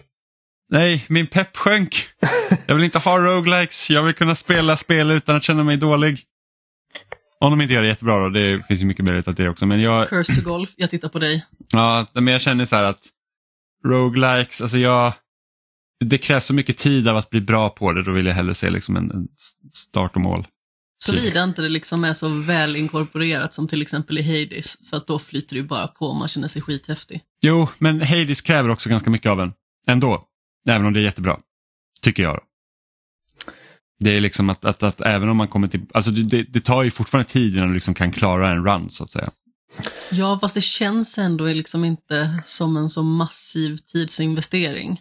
Som det gör i vissa andra spel. där Det känns som att okej, jag gör ingen progression alls. Nej, men som sagt, du, känner att du gör progression hela tiden, men jag tycker egentligen inte om att börja om från början. Eller liksom att börja om. Sen är ju världsbygget i Hades också en väldigt stor hjälp i det hela. Ja, ja, det är jättebra. Eh, men just det här att oh, nu måste jag gå igenom den här banan igen och igen och igen. Det, det, det är det jag har mest svårast för när det kommer till roguelikes, även om det finns eh, flera spel i genren jag tycker om. Eh, Jag reagerar Men sen var på det- det... där ja. Project Eve som nu heter Stellar Blade. Mm. Och jag bara, åh den här världen ser cool ut, och striderna ser coola ut och fienderna ser coola ut. Men fy fan för de här karaktärsdesignen. Helvete. Det var liksom så här skimpy, så här riktiga animebrudar som bara typ piper som... Nej, för fan. Eh, Ja. Ja, nej, det, den varan finns det en del av. Eh, sen fick vi också se några Playstation VR 2-titlar. Men Ja, det är två. väl egentligen inte det, den, ja två precis, men det är väl egentligen inte det som är den stora nyheten med Playstation VR utan det fick man veta i ett avsnitt av Playstation eh, Blogcast var ju det att Playstation VR 2 kommer inte vara bakåtkompatibel med Playstation VR 1. Vilket jag kände var så här att, jaha, En skymf. Ja men faktiskt. Alltså, jag förstår att tekniken i de här headseten är annorlunda och den använder annan teknik för att tracka och att det inte är samma kontrollmetoder och att liksom eh, VR2-headsetet har liksom kameror inbyggda i sig medan VR1-headsetet har ju liksom en kamera som trackar dig så. Men ändå, jag känner lite att det där är fan ert problem att lösa. Alltså, hade de, hade de verkligen velat så hade de kunnat lösa det känner jag. Men samtidigt Det, så... det tror jag också. Men samtidigt så... Det finns ingenting som säger att de här utvecklarna själva inte kan göra portar. Ja, och så måste vi köpa om de spelen förmodligen. Ja. eh, För det är också en stor grej i det hela, det är att, att, liksom att jag äger de här spelen redan, så när jag köper mitt headset som säkert kommer kosta typ 6000 spänn, så har jag redan spel att spela på den. Och sen kan man få spela något nya också som kommer. Men nu är det så att nej, du börjar du om, så att vill jag spela mina gamla spel så måste jag ha det headsetet och vill jag spela mina nya spel så måste jag ha det nya headsetet. Och vad händer om det mot förmodan skulle komma ett VR3-headset? Ska vi börja om igen då? Mm. För Eh, liksom, jag tror att typ Oculus Quest och, och de liksom headset som har kommit till PC, det spelar liksom ingen roll vilket headset du har, du kan fortfarande spela dina spel. Så det är väl det- jag tycker bara är så jäkla synd för att vi, vi liksom har gått mot en utveckling där att, så att jag är inom det här ekosystemet nu, nu har jag mina spel och, jag, och jag får liksom, de får följa med. Det här med att börja om från noll hela tiden, det liksom känns lite förlegat. Men i synnerhet också liksom när det är två konsoler. Eller vad man ska säga, alltså det är två stycken headset. Det är liksom inte fyra, ja, fem stycken Nej, precis. som man måste liksom ta med sig spel ifrån. precis. Jag förstår, du säga Oliver? att, eh, jag förstår att det inte är en sån enkel grej som att trycka på en knapp och föra över de här grejerna. Särskilt eftersom att det, de olika spelen drar nytta av de olika grejerna på olika sätt. Menar, vissa av spelen eh, behöver liksom kameran eh, för att för att du ska liksom trackas eh, på det sättet och, och andra grejer. Eh, Jag vet inte, jag, eh, jag, gav, jag, jag gav bort mitt första headset så att jag kommer inte behöva switcha mellan dem ändå. Men Och sen så äger jag inte så jävla många spel redan som jag känner att okej, okay, de där kommer jag vilja återgå till. Uh, jag kan tänka mig att liksom, alltså Beat Saber är ett sån, en sån grej som, som borde få någon for, form av port. Uh, Ja, men Beat Saber känns som det självklara valet. Men sen så har vi andra liksom bra spel som typ så här Keep Talking and Nobody Explodes och Super Hypercube till exempel som är liksom inte lika kända titlar. Liksom, kommer mm. de vara fast då? För att det är inte värt att porta över dem. Det är det jag tycker är lite tråkigt. Jag inte, I och med att Astro har blivit en sån maskot så tänker jag också att eh, Astrobots Rescue Mission heter det va? Ja. Lär ju också Ja, förhoppningsvis för att det, det spelet är verkligen kanon. Det kan ju också göra att de bara gör en uppföljare på det spelet till PSV 2 istället. Um, ja, det är också mycket möjligt. Men, ja. Nej, alltså, som sagt, jag förstår att det, att det inte är världens lättaste grej att bara göra. Uh, och jag vet alltså Playstation kanske inte har de resurserna som Microsoft har att liksom lägga på de här grejerna. Att, uh, särskilt med tanke på att, jag vet inte, de har säkert data som säger att okej, okay, det är så här många spelare som faktiskt har de här spelen. Och är det liksom ens värt det? Mm, uh, men så, så är men, det säkert. Men, men, det är liksom, men det, också... men det är ändå trist som fan och jag känner att Playstation har bara... De har ganska trist inställning till många grejer. Det får man tänka de på... Helt konservativa i många områden nu för tiden. Nu får man tänka på liksom... Liksom Jim Ryan och han håller på och gråter över att Microsoft eh, bara låter dem ha Call of Duty i, vad är det, typ treårigt över. Uh... Man vet ju dock inte helt exakt vad som händer efter det. Nej, Nej alltså, precis. Alltså, jag, typ... jag tror inte att Playstation någonsin kommer vara utan Call of Duty-titlar. Uh, för att en sån stor Nej. del av, jag tror att det är typ 30% av alla som köper de här spelen varje år är på Playstation. Och det är en enorm... Jag tror typ 60% av all liksom Call of Duty Revenue kommer från Playstation. 60 ja. Det är en enorm Jag är inte säker. Inte säker nu, men det var högt. I alla fall. Det, det är en enorm market share som Microsoft bara liksom i så fall skulle bara lägga liksom. Och bara strunta i vilket... Microsoft är ju nu ifall den här dealen går igenom så är det ju de som ska stå för utvecklingskostnader för de här spelen varje år. Och mm. eh, jag tror inte de har råd att, att liksom lämna Playstation ute. Jag, de har, jag skulle nog säga att de har råd, men det är så att makes no sense business-wise att ja, göra det. Nej, men alltså, när jag säger att de inte har råd, jag säger ja. inte att de skulle gå under utan Playstation. men, men det är liksom, jag förstår inte varför man skulle liksom ens ta över den här var, det här varumärket för att tjäna mindre pengar på det. Eh, Men Sony gråter inte för att det finns en risk att de förlorar Call of Duty. Sony Nej. gråter för att Call of Duty kommer finnas på Game Pass dag ett. De, precis, de, de vill ha... De gråter för att de inte längre kommer liksom kunna erbjuda den bästa dealen. Och Nej. de kommer inte kunna ställa krav. Och de kommer Nej. inte kunna liksom eh, låsa ute extra content till, till sin egen plattform. Och de kommer inte kunna ha liksom Playstation exklusiva betaperioder och så skit som de har haft i många år. Um, jag, jag, Precis, jag så, när, så när de säger att det blir sämre för spelarna så är det egentligen bara deras egna användare då, Precis. som det handlar om, ingen annan. Jag älskar hur han uttryckte sig när han sa liksom att uh, they fail to take into consideration uh, of, our, of our gamers.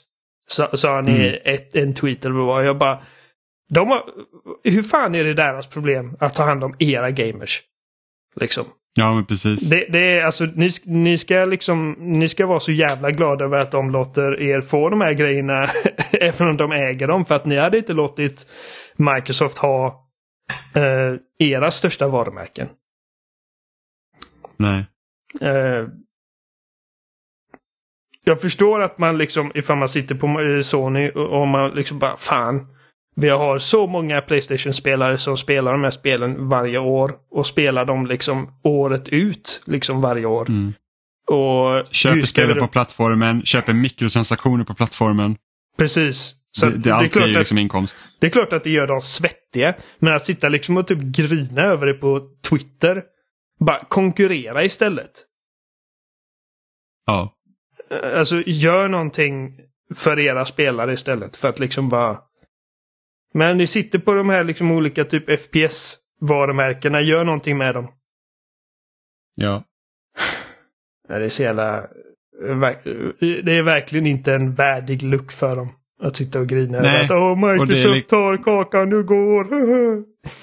ja men det, och det är verkligen liksom, vilken skillnad från Sony liksom 2013 när de typ körde sin jäkla double sucker punch på Microsoft på E3 liksom till nu och bara säga hallå, ni spelar inte som ni gjorde förr. Vad håller ni på med? Jag menar, de äger Destiny nu. Det är en big deal. Mm. Uh, Och Destiny är väl sagt att det ska finnas till alla fortfarande. Jag har för mig att det var någonting om att uh, Bungie hade inte låtit sig, alltså det var liksom ett av villkoren liksom på att bli Ja, uppköpta. det. Liksom att vi, vi, De ska fortsätta vara vi måste få fortsätta. Uh, det ligger, ju- det ligger i Bungies intresse såklart att deras spel finns på så många platser som möjligt. Mm. Ehm, men ja, nej. Som sagt, jag förstår att de svettas men, men alltså för fan, ha lite värdighet för helvete. Det hela gnällspikar. Fan vad töntigt. Mm. Men speciellt när de är, de är ju ganska alltså de kör lite samma taktik som Microsoft gjorde under 360 med att liksom försöka få ja, men mycket DLC som är exklusivt till deras plattform och, Mm. och Destiny var ju en sån grej. Alltså när första Destiny kom det var ju, du betalar ju samma pris på, på alla Både plattformar Xbox ja. ja, och PC. Men det var ju liksom, du förlorar ju en del av spelet på de plattformarna jämfört med Playstation för det var ju liksom ex, mycket extra material Mm. i Destiny till Playstation än vad det var på någon annan plattform. Eh, och sen liksom de expansioner och sånt som kom, det var ju liksom låst liksom typ ett, ett och ett halvt år innan det fick komma till någonting annat. Ja, nej, det, det är väldigt, det är rich liksom att Mm. höra det från dem. Åh, de, de tänker inte på, på the gamers. Bara, fan, det, det gör inte ni heller. Ni tänker bara på era. På Mm. eran bottom line. Verkligen. Ja, men det, är spännande höst till möte känner jag. Det kommer mycket bra spel nu. Eh, Ja, Jag, jag ser, alltså tillbaka till VR, jag ser jättemycket fram emot PSVR 2. Även om de två spel de visade upp eh, på den här State of Playen inte var liksom...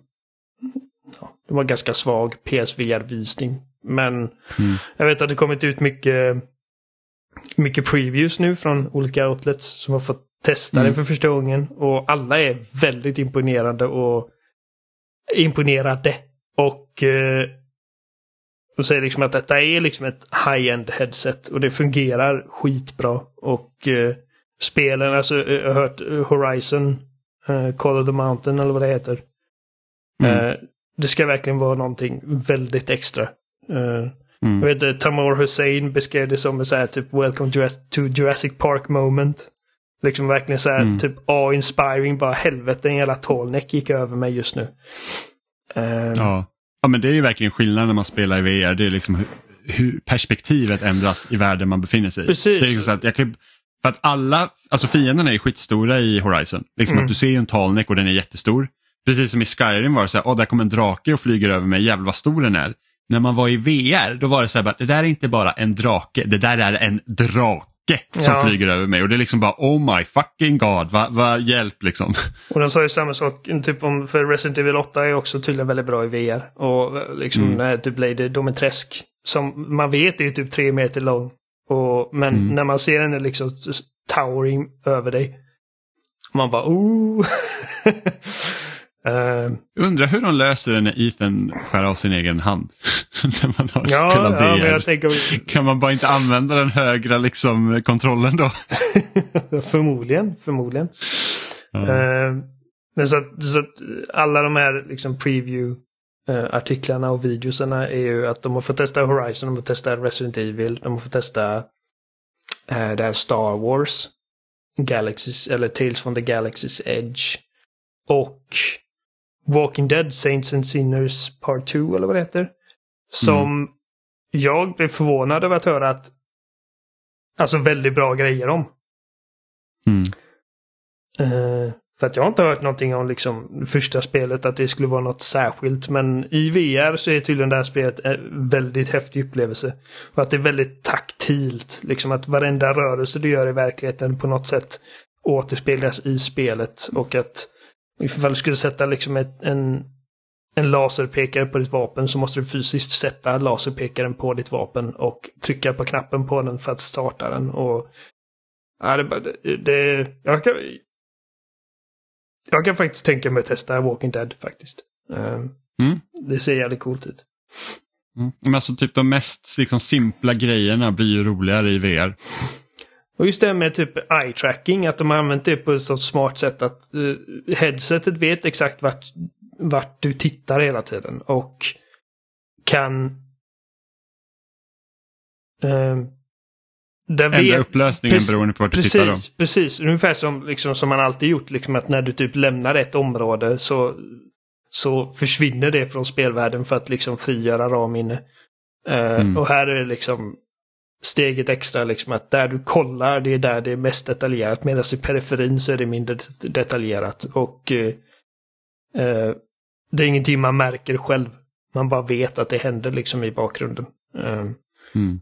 eh, och de här kamerorna på headsetet som möjliggör det för dig att liksom se dina omgivningar i verkligheten genom att bara trycka på en knapp istället för att ta av hela headsetet. Skitbra funktion verkligen. Eh, Ja, och, den, och den skulle också fungera bättre än på konkurrenternas headset. ja, det kanske... Jag, jag, Har jag också hört. För att det är liksom så här att ofta när man får den här kamera, liksom visningen till exempel, jag tror att Quest 2 har en sån, så då blir det så här att du är fortfarande svårt att orientera dig. mm, Precis som typ, jag köpte det här eh, när Modern Warfare 2 kom ut, eh, det som från 2009, så fick man ju, om man köpte värsta utgåvan, då fick man ju ett Night Vision Goggle headset som Ja. fungerar. Men skärmen är så pass liten så att det är jättesvårt att gå. Mm. Eh, och det är lite så jag tänker att det är på de andra headseten. Men här ska det funka bättre. Och OLED-linserna ska vara jättebra också. Liksom att det, det är väldigt lite skillnad på liksom hur upplöst man ser det i trailers och grejer och hur det faktiskt ser ut i headsetet. Vilket man inte kunde säga om förra hjälmen. För Nej, där var liksom, Alltså när man det- satte på den så det bara oh my eyes. ja, verkligen. Det var liksom så här att man bara, uh. Ja, det får väl gå då. och svärtan ska vara Ja, jag- skitbra. Så när man går runt liksom i, typ, i en mörk by, liksom i eh, typ Walking Dead, att det är verkligen kolsvart. där du inte pekar ficklampan. Mm. Men jag, jag är faktiskt väldigt peppad på VR. Jag med. Vilket är, Eh, jag menar, jag kommer fortfarande ihåg min VR-rant för ett par år sedan. Liksom det, är typ bara, det här är vä- världens sämsta skit, men nu, alltså jag... Jag, är, jag tror det var Half-Life Alyx, liksom. Alltså jag kan inte tänka mig att Sony inte liksom har pratat med Valve. alltså, Eh. jag, hopp, jag hoppas ju att Half-Life Alyx ska komma till med, Playstation alltså, 2. för- För att det är liksom, det är jag har inte spelat bra. det och jag vill spela det. Det, Och jag och Gustav har hållit på att spela igenom Half-Life-spelen nu så att vi blev klara med tvåan igår. Och det är liksom så här att ah, jag vill verkligen veta fortsättningen. Så. Eh, om, om det är liksom, om det finns en killer app till VR så är det fan Half-Life Alyx. Så att eh, liksom ifall jag hade varit Sony och bara okej hur får vi den här VR-hjälmen att sälja? Ja, Half-Life Alyx. Det är liksom, Mm. bara gör det. Yes. Bra visning ändå. Ja. Playstation. Vi fick en fråga på Instagram i veckan eh, från Asfrant.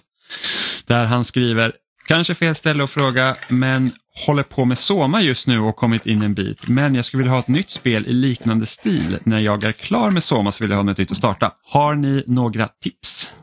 Du vet vad jag kommer säga. Ja, vad kommer du säga Oliver? Eh, Alien Isolation. Ja, det, det är ett jättebra tips verkligen. Om man inte redan Eh. spelat det såklart, men... Ja, men så, så, så är det väl med allt man tipsar om egentligen. eh, Eh, har någon av er spelat Soma förresten? Nej. ja. Jag har inte tagit med igenom det för att jag tyckte det var rätt tråkigt. Okej. Eh, men jag har Ja, det är lite- några timmar. För det är ju lite, det är ett ganska svårt spel egentligen att sätta in i vad, vad liksom så här att, ah, exakt det här spelet borde du spela för det är likt Soma. För Soma är typ, Ja. typ en walking simulator, typ ett skräckspel, men ändå inte. Mm. Eh, det är liksom inte som att jag skulle kunna säga att ah, men har du spelat Soma så ska du spela Outlast eller liknande. Nej. Utan det blir så här. Men, men Alien Isolation skulle jag nog säga är närmre Soma än många andra liknande skräckspel. Då. Precis, för att eh, Outlast, alltså Outlast bygger egentligen mycket bara på att du blir jagad genom hela spelet. Liksom. Det, Mm. alltså, det, du har inte så mycket pusselmoment, du har inte så mycket annat än att bara gömma dig från folk och springa från folk. Det, det är i princip vad det gör. Och Outlast gör det jävligt bra, så om det är den upplevelsen du vill ha så är absolut Outlast. Men ehm, om, man- om man, som den här personen har gjort, frågat liksom, jag, jag spelar Soma, jag tycker om det och jag, jag vet inte riktigt vad det är med Soma som du tycker om. Liksom. Alltså eh, specifikt. För då är det svårt eh, att peka på andra grejer. Och, för att det kan hända liksom att den här personen inte tycker att Soma är liksom ett särskilt läskigt spel och det kanske... Eh, då kanske det inte är liksom, okej, andra skräckspel man ska kolla på, jag vet inte. Oj. Mm. Gillar man vandringssimulatorer och vill må lite dåligt kan man ju alltid spela Gone Home. Ja, men Gone Home är också ett sånt spel liksom man ska kunna, eh, kunna titta på det, som också är lite mer åt det hållet, även om du inte har den här sci-fi settingen som Mm. finns i Soma. Nej, sci-fi Eh, settingen men- var, det var, det var ju därför jag sa Alien. Eh, Mm. För att det känns som att liksom bara på ett ytligt plan så är det ganska nära ändå. Mm. Jag skulle vilja så ett slag för The Swapper. Eh, som inte är en vandringssimulator, det är för att du spelar inte det i första person utan du, du, du liksom, det är ett 2D-spel egentligen, ett 2D-pusselspel. Eh, men det tar lite tag i samma frågor som så man gör om vad, det liksom, vad är identitet, vem är jag eh, i den världen. Eh, och det, det är ett jätte, jättebra spel verkligen, alltså det var mitt det var nog mitt eh, årets spel 2013 när det kom. Eh, så att man skapar kloner av sig själv eh, för att lösa pussel. Samtidigt som det är en ganska intressant story som handlar just, det, det tar i, tag i lite i samma frågor som så man gör. Faktiskt. Kloning är en ganska så intressant fråga i allmänhet. Ja, men just det så att jag klonar någon och, och just i det swapper också för att då, då byter du ju, när du skapar klonerna så, så skjuter du in ditt medvetande i klonerna och det är den personen du styr helt enkelt. Och så bara, var någonstans liksom är du nu? Och, och vad händer liksom när den här klonen som du warpade ifrån dör? Vad, vad betyder det? Eh, och lite så är det samma sak, Soma rör också vid de punkterna. Så det är jättespännande. Det är väl lite så man pratar om till exempel eh, hypotetiska teleporteringar, liksom, att man kanske måste skapa en klon för att kunna teleportera sig. Mm. Och vad händer då med den klonen som blir kvar? Star, Ja, Star. Trek-frågan. När Adam var här senast så kollade vi på Wrath of Khan och de teleporterade sig. Jag bara, de tar livet av sig i princip. De bara liksom Mm. gör en identisk kopia. Men den personen som gick in i, telepo- i teleporten är typ borta nu. Och det kommer en ny. Med samma minnen och... Det, det är en sån grej som, som debatterats rätt mycket i Star Trek-community tror jag. Ja, men verkligen. Jag eh, uppmuntrar den här personen att om, om vi har missuppfattat liksom vad det är du söker efter så skriv det och berätta lite mer om vad det är som fångar dig med Soma. Eh, Mm. Så kan vi kanske... Liksom är det också den här typ liksom en så här undervattensvärld och sånt så ska jag även säga att liksom, om Bioshock. du har spelat Bioshock så spela Bioshock. Absolut. 1, 2 och Infinite. Har du mycket att göra. Mm. Ehm, och för er som inte har spelat Soma så gör det för att det är också ett rätt så intressant och bra spel och, och är, man, är man lite harig av sig så kan man också ställa in mer som ett typ ett story mode så du kan typ inte dö och sådana saker. Så att du kan liksom gå igenom storyn i din egen takt om man så vill. Låter som något för mig. Mm. Jag spelade tillsammans med Robin. Vi, har, vi gjorde en Let's Play på det som faktiskt finns på Youtube-kanal, eh, Spelsnack Podcast. Och eh, där finns alla delarna. Om man vill. Det var ett väldigt intressant spel så det var, det var, det var kul. Men eh, återkom gärna ifall vi tolkar din fråga rätt eller om du liksom har, du kanske har spelat alla spel vi nämnde, då är det lite tråkigt. Ja, men då får du får säga du det. återkomma. Ja, precis. Eh, men eh, ni andra lyssnare kan göra precis som Asfrant och fråga oss frågor. Antingen via mail på kontaktetspelsnack.com eller via sociala medier eller på loading.se. Så sagt. Men vi har ju faktiskt spelat lite spel den här eh, i veckan också och jag tänkte att Amanda, du hade spelat ett spel som heter We Are OFK. Mm, ja, det har jag faktiskt gjort. Eh, Så vad är det för någonting? Ja, det kommer jag till. Eh, We Are OFK är en interaktiv serie skulle man kunna säga som handlar om fyra vänner som försöker slå igenom som musiker i det konkurrenskraftiga Los Angeles. Eh, Vi har pianisten Itsumi som just lämnat sin flickvän men kämpar mot eh, sin motivation och även att eh, klara sig ensam. Vi har lyricisten, tillika sångaren Luca, som har mycket egen vilja och idéer men också noll självförtroendepoäng i stort sett. Sen har vi den tekniska effektskaparen Carter som värnar om sin omgivning djupt men samtidigt gömmer sina egna känslor och sitt förflutna. Och till slut så har vi producenten Jay som kommer in i vänskapskretsen väldigt sent egentligen, tack vare att hon känner Luca från studietiden. Hon är väldigt driven men har svårt att släppa in människor i sitt liv. Och eh, hon känner sig liksom konstant ifrågasatt av sina föräldrar som fokuserar på att hon liksom ska ha en raketkarriär men också hitta den perfekta mannen. Samtidigt som hon, eh, vilket de förmodligen inte vet, eh, föredrar eh, Fifi. Så att säga. Eh, och det är liksom ett spel som eh, jag tycker framförallt har väldigt fin representation. Det är en väldigt eh, stor variation i liksom karaktärsbiblioteket och de är väldigt mycket sina egna karaktärer. De flyter liksom inte ihop på det sättet som det kan bli i vissa spel. Ehm, men det som gör liksom att jag tycker att det är lite svårt att greppa spelet, för att jag tycker liksom att det är mysigt. Estetiken är ganska så fin och charmig och eh, den är lite ovanlig egentligen den känns väldigt syntig. Alltså själva den grafiska stilen. Eh, lite halvtrevlig musik och gulliga spelreferenser och sådär. Men sen så är det ju ganska mycket så här ängsligt ungdomsbeteende och dejting och vänskap och textande och sen så är det väldigt mycket förvirrande ungdomslingo med förkortningar och sånt som det är väl framförallt sånt som gör det lite svårt för mig. För att jag tycker att det på något sätt blir lite för barnsligt. Jag har lite svårt att relatera till det, för ibland så känns det som att de inte pratar som riktiga människor. Alltså nu ska inte jag vara alltså, sån. Det känns typ konstlat då. Alltså det kanske inte är konstlat. Dagens ungdom kanske pratar så. Ja. Men, men, men liksom för dig som inte då kan relatera till åldersgruppen då? Ja, jo men precis. Alltså de är väl typ någonstans i 20-årsåldern mm. allihopa. Eh, jag vet inte hur stor åldersskillnad det är mellan dem. För Jag tror att det är lite olika. Um, men jag är ju liksom en sån person som i vår privata chatt googlade jag ROFL liksom. Ja. Så jag är ju inte riktigt den personen som kanske är rätt person att se in i den bilden liksom i, i textandet och jag är ju ganska så anal och korrekt liksom när det gäller att skriva. Så jag tror att det är svårt för mig själv kanske att relatera till det. Sen så vet jag ju själv hur det var när man var kanske lite mer i, i den åldern, just det här liksom med, med dejtandet och den här ängsligheten, liksom att man måste finna sin egen plats och så. Och jag tycker att mycket sånt i spelet är väldigt fint och det känns ändå som att de fokuserar väldigt mycket på känslor. Mm.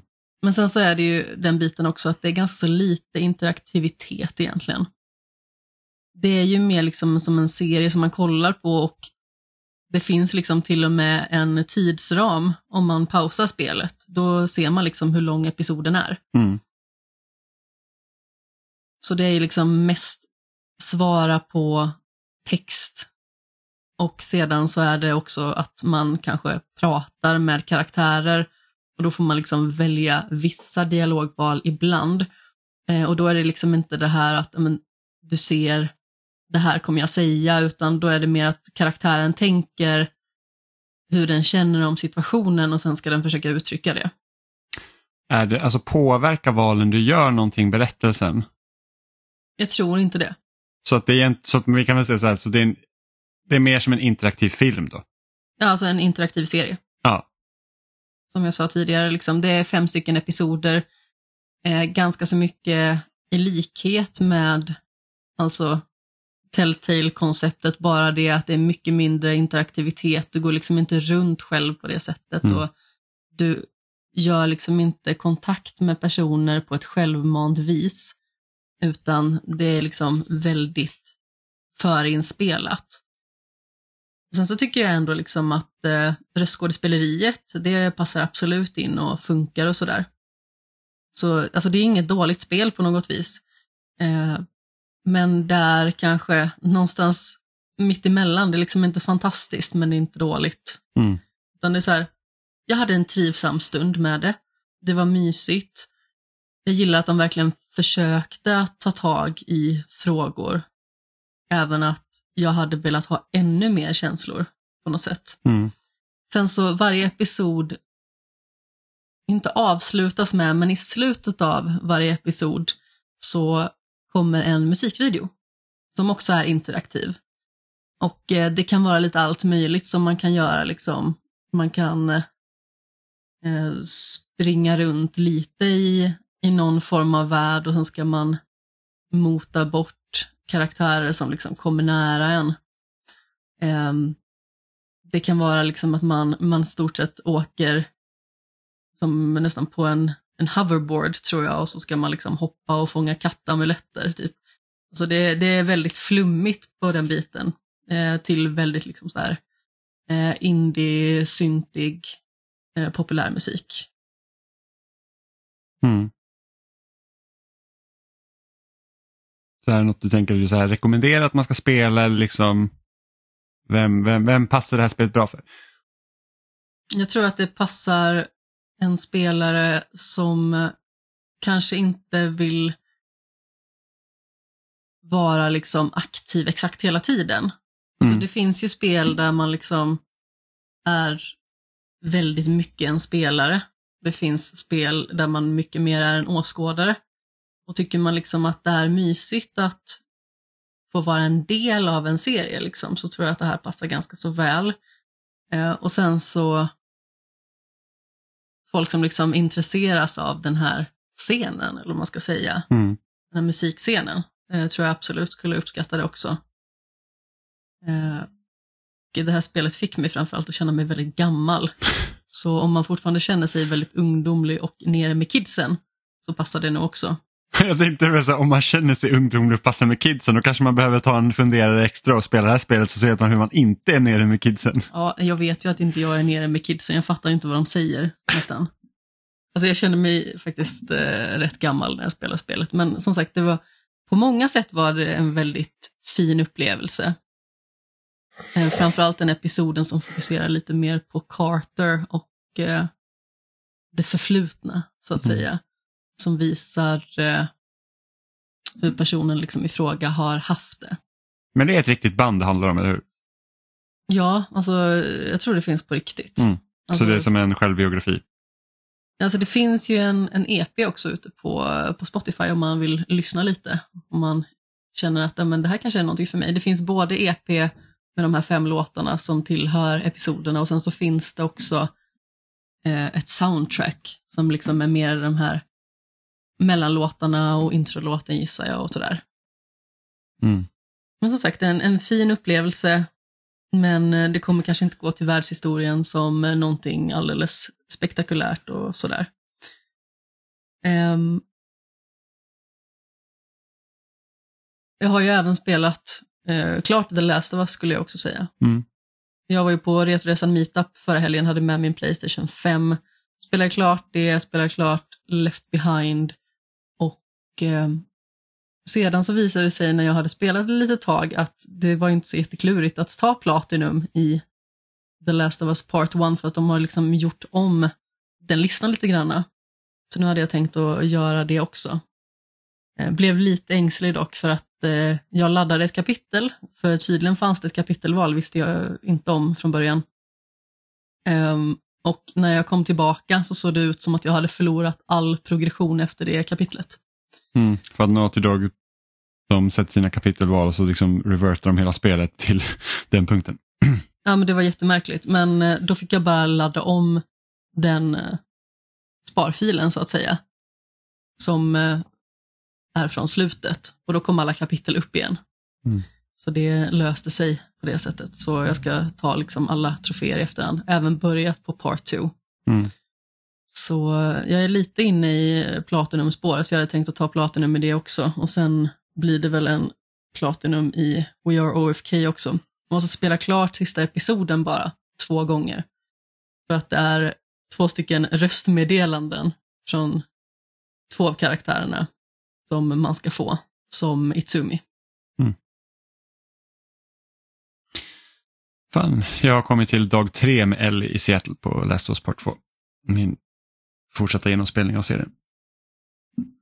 Så det är fun times, eller ja, fun times kanske är lite, lite att överdriva. Men eh, Hur känner du för spelet den här gången i relation till den förra? jag vet mer sen när jag började spela som Abby igen. Eh, men jag kommer ihåg att när jag spelade Part 2 förra gången när jag körde liksom två genomspelningar på rad så var det verkligen så att jag tyckte att Ellis var så himla seg sen. Eh, för att hon är liksom bara på det här hämndspåret och det händer egentligen inte så mycket. Liksom. Så.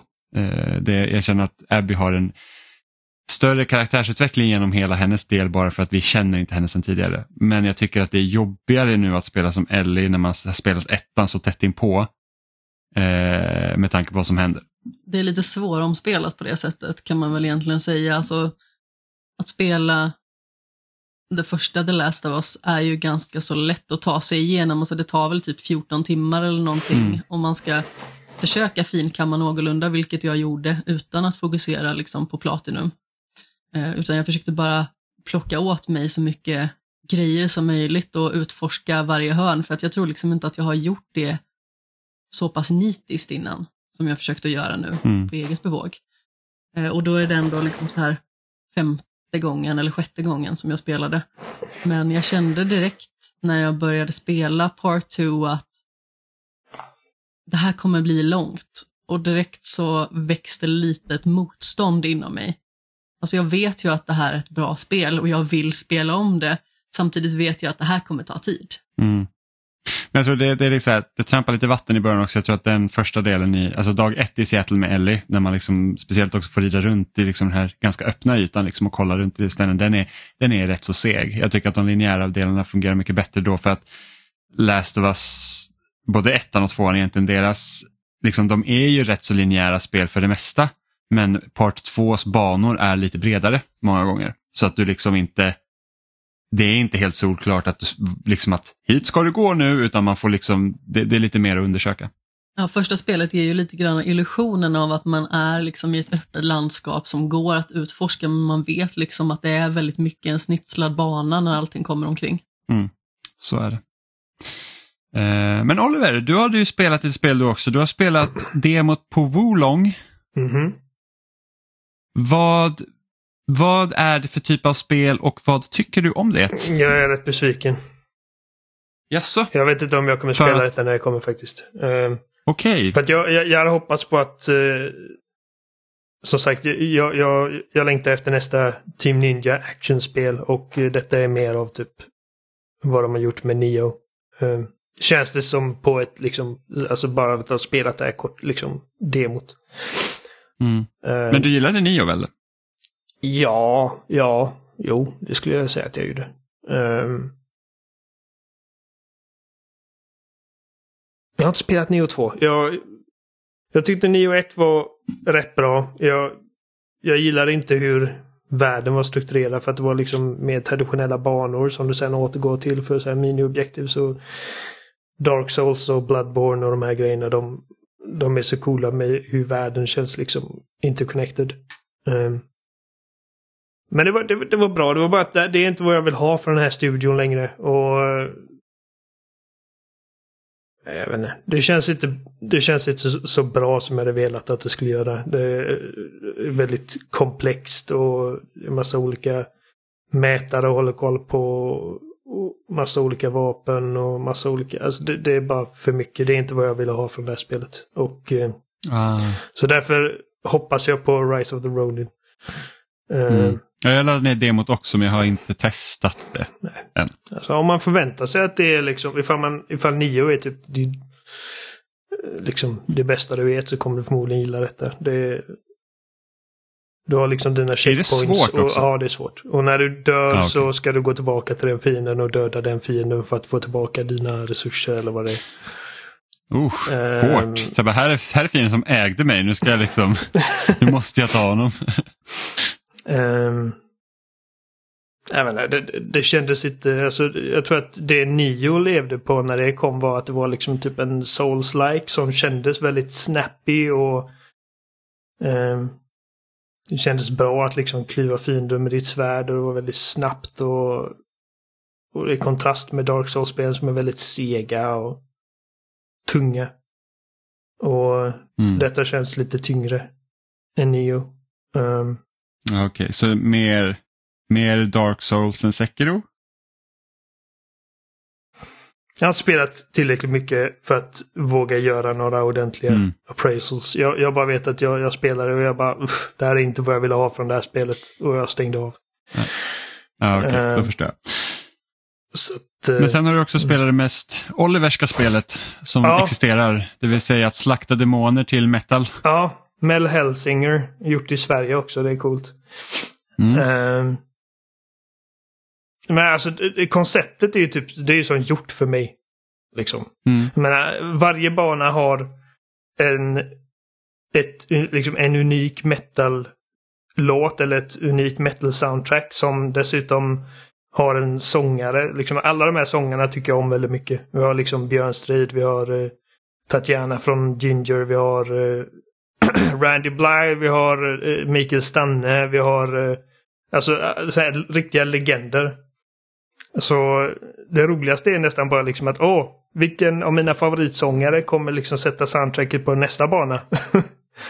Mm. Ehm, och det, det är verkligen ett skitcoolt koncept. Eh, Det är ungefär som att det här teamet spelade Doom t- eh, 2016 och tyckte att det var så jävla coolt hur efter prologen i det spelet när liksom eh, man kockar sin shotgun i takt med musiken och de bara det ska vi göra ett spel på. Mm.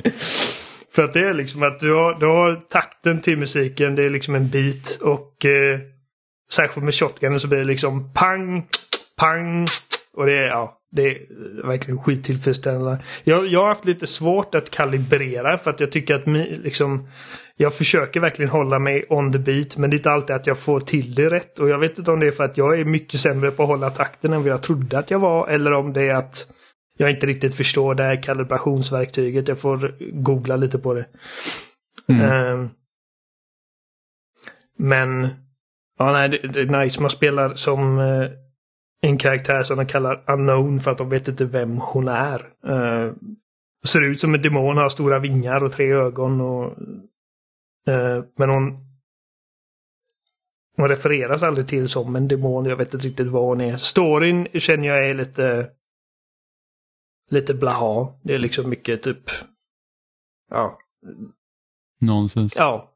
Och jag känner liksom att det, det intresserar mig inte så mycket. Eh, och fiendedesignen och eh, liksom den estetiska stilen på spelet och vapendesignen är ganska sådär. Liksom, jag tycker att Mm. alltså, det, det är inte alls samma liksom, nivå på, på deras liksom eh, konceptdesigns och grejer som de har på id Software. Um, och det är, det, det är trist att behöva liksom jämföra hela tiden med Doom Eternal, men det, här- det här spelet hade liksom inte existerat utan Doom. Mm. Ehm, det är som att det inte går att snacka om Nio utan att prata om Dark Souls när det kom exempelvis. Ja, men precis. Ehm, men liksom alla de här typ små gripesen man har. Jag tror att det var typ, och det var Game Informer som skrev det som ett omdöme, liksom att det, typ, det det gör gör det så bra att alla de här små gripesen man har, att de inte spelar så stor roll liksom på det stora hela. Det är bara så jävla coolt att skjuta ihjäl monster till liksom bara sick metal beats. Mm. Men är det bara liksom att skjuta som går till liksom the beat eller är det liksom andra grejer du också måste göra för att hålla, I princip allt görs. alltså Eh, även typ när du hoppar och sånt också? Hoppa tror jag inte att det har någon påverkan, men jag vet att det finns en dodge-knapp liksom. Som, ungefär som i Doom Eternal. Man trycker på LB och eh, man förflyttas några meter åt ett eller annat Mm. håll. Och eh, det ska man helst göra på the beat för att då kan man göra det liksom alltså i, i oändlighet. Ifall jag förstår det rätt. Jag tror inte att de sätter stopp på det. Eh, Ja, okej. Men ifall du inte gör det på on the beat så liksom kan du, ja, då kan du tappa ditt momentum. Ehm, Ja.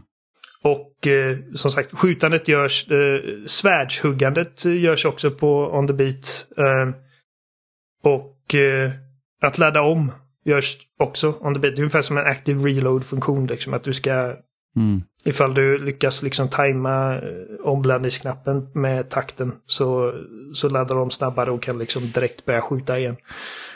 Ehm. så att när man väl kommer in i liksom the flow och uh, att man, man känner sig riktigt jävla mäktig alltså. Mm. Men jag kan tänka mig, det är, det är inte första spelet som har provat konceptet att man spelar i takt. Som till Nej. exempel eh, Cadence of Hyrule och Crypt of the Necrodancer. Ja, precis. Eh, men det jag tänkte att det, det känns lite lättare på 2D-plan att göra det på. Liksom Mm. i, i Crypt of the Necrodancer då rör du dig till takten och sen så, så slår du också fienden i takten men, men liksom när du hoppar in i en fiende så attackerar automatiskt så det är liksom inte som att du måste komma ihåg en jävla massa olika knappar. Eh, Precis, det, det är mycket och jag, jag tycker att det är svårt ibland för att det, det är lätt liksom att man att man dodgar liksom eh, instinktivt och det händer, väldigt sällan på takten. Eh, Mm, och eh, du har liksom, du, du byter till ett vapen genom att trycka på Y och du byter till ett annat genom att trycka på B och du byter till svärdet och dödskallen som kallas pass på RB. Men om du vill snabbt komma till svärdet kan du trycka upp på D-paden så att kontrollen är fann den lite förvirrande till en början. Liksom att jag eh, hamnar på fel grejer ibland. Eh, Attackera fienderna också enligt takten eller kör de liksom freestyle?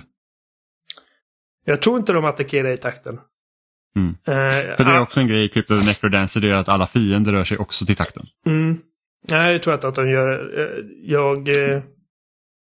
De rör sig inte på ett sätt att, som gör att liksom att de förstör din takt, så att säga. Men, eh, men de ser inte ut att röra sig i takten.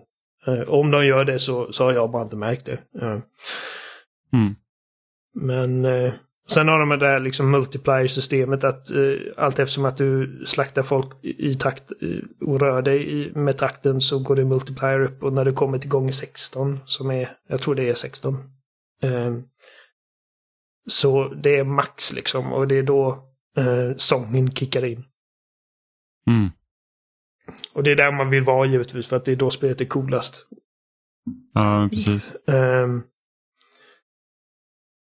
det är någon låt eh, på den banan jag är på nu som, som fuckar över mig lite för att det är ett par... Ja, det är typ versen. Där det inte är liksom en tydlig takt i musiken. Liksom, du har liksom inte det här typ accentuerade trum. Dum, dum. Mm. Inga gitarrer eller inga distade gitarrer i alla fall. Utan liksom ett lite lugnare parti. Liksom. Och, och där finner jag direkt liksom att åh, nu, nu har jag svårt att liksom hålla mig till detta. Eh, Mm. men, eh, men överlag så är musiken väldigt väl eh, komponerad och designad för att liksom vara lätt att liksom hålla takten till. Ja, men det är nice. Det är ett väldigt roligt koncept, måste jag säga. Det är det. Ehm, Jag har också laddat ner spelet, men jag har inte hunnit spela den. nej men så att, eh, alltså jag tror inte att liksom jag tror inte att jag kommer liksom tänka på detta på samma sätt som jag tänker på Doom och Doom Eternal. Eh, för att liksom bortsett från hur musiken är inkorporerad. Liksom ifall man hade tagit bort musiken helt och hållet. Och bara gjort, okej detta är liksom en shooter. Det hade verkligen varit mediokert. Alltså det, det, det lever ju helt och hållet på att du gör allting till hårdrock. Eh, Mm. så att jag tycker liksom att eh, överlag så tycker jag inte att det är liksom lika starkt designat med olika fiendetyper och olika vapen och grejer som Doom-spelen är. Eh, faktum är att det, det är faktiskt ett par vapen i spel som jag inte alls är särskilt bekväm med. Eh, även om jag uppskattar att varje vapen känns väldigt unikt. Eh, och det har jag Mm. pratat om många gånger. Att jag, jag tar hellre liksom en shooter där jag har åtta olika unika vapen än typ 300 som alla har liksom marginella Ja, skillnader. Ehm, Ja, men hellre att man har få vapen och sen kan man uppgradera de vapnen än att man liksom hittar, typ det här är Assault Rifle 543. mm. Ja, det, det, det är väldigt eh, eh, konceptuellt kul eh, vapendesign. Jag, så, så det börjar med ett svärd. Ehm, Mm. och en dödskalle. Och dödskallen är liksom spelets narrator. Eh, Troy Baker spelar den där dödskallen som berättar allting för att eh, protagonisten har förlorat sin röst. Hon kan inte sjunga liksom. Och det känns, alltså om jag uppfattat det rätt så är liksom hela poängen med vad man gör genom spelet är för att återvinna sin röst så man kan liksom göra sina metal screams eller vad det är. Ja, okej. Eh, dödskallen skjuter små liksom typ eldprojektiler i princip. Och eh, jag använder den nästan aldrig utom när jag rör mig mellan fiende-encounters. För att eh, pass, dödskallen, eh, är det enda vapnet som du kan liksom fortsätta hålla takten och bygga upp din multiplier med. Även om du inte träffar fiender. Så att Mm. när du liksom har dödat allting och ska gå vidare till nästa arena så tar du upp dödskallen och liksom skjuter i takt. Eh, för att liksom hålla din kombo går att uppe. hålla, hålla kvar. Ja. Eh, och sen ganska snabbt låser man upp eh, en shotgun, vilket är alltså det är ett måste för den här typen av spel. Det är, det är typ eh, Det är bara en, en, en vanlig shotgun och den gör sitt jobb väldigt bra. Och sen så låser man upp eh, två revolvrar som är jävligt kul. Eh, och alla vapen har en så här, ultimate ability som byggs upp allt eftersom att man använder dem. Eh, som spicar upp det lite och det är kul också för man kan liksom bygga upp alla eh, ultimate abilities utan att använda dem och sen kan man liksom lösa av alla fyra på en gång. Så att eh, Mm. så här lite taktiskt element. Eh, förutom huvudbanorna finns det också för varje varje bana har liksom när man klarat den låser man upp så kallade torments. Men det är egentligen bara typ challenge rooms där du ska göra så en är liksom att okej, döda alla de här fienderna med eh, bara det här vapnet på den här liksom tidsgränsen. Och så belönas man med typ en perk som du kan ta med dig till nästa bana som gör att multiplien går ner långsammare. Eller att du kan bli träffad en gång per kombo utan att den nollställs. Ehm, Mm.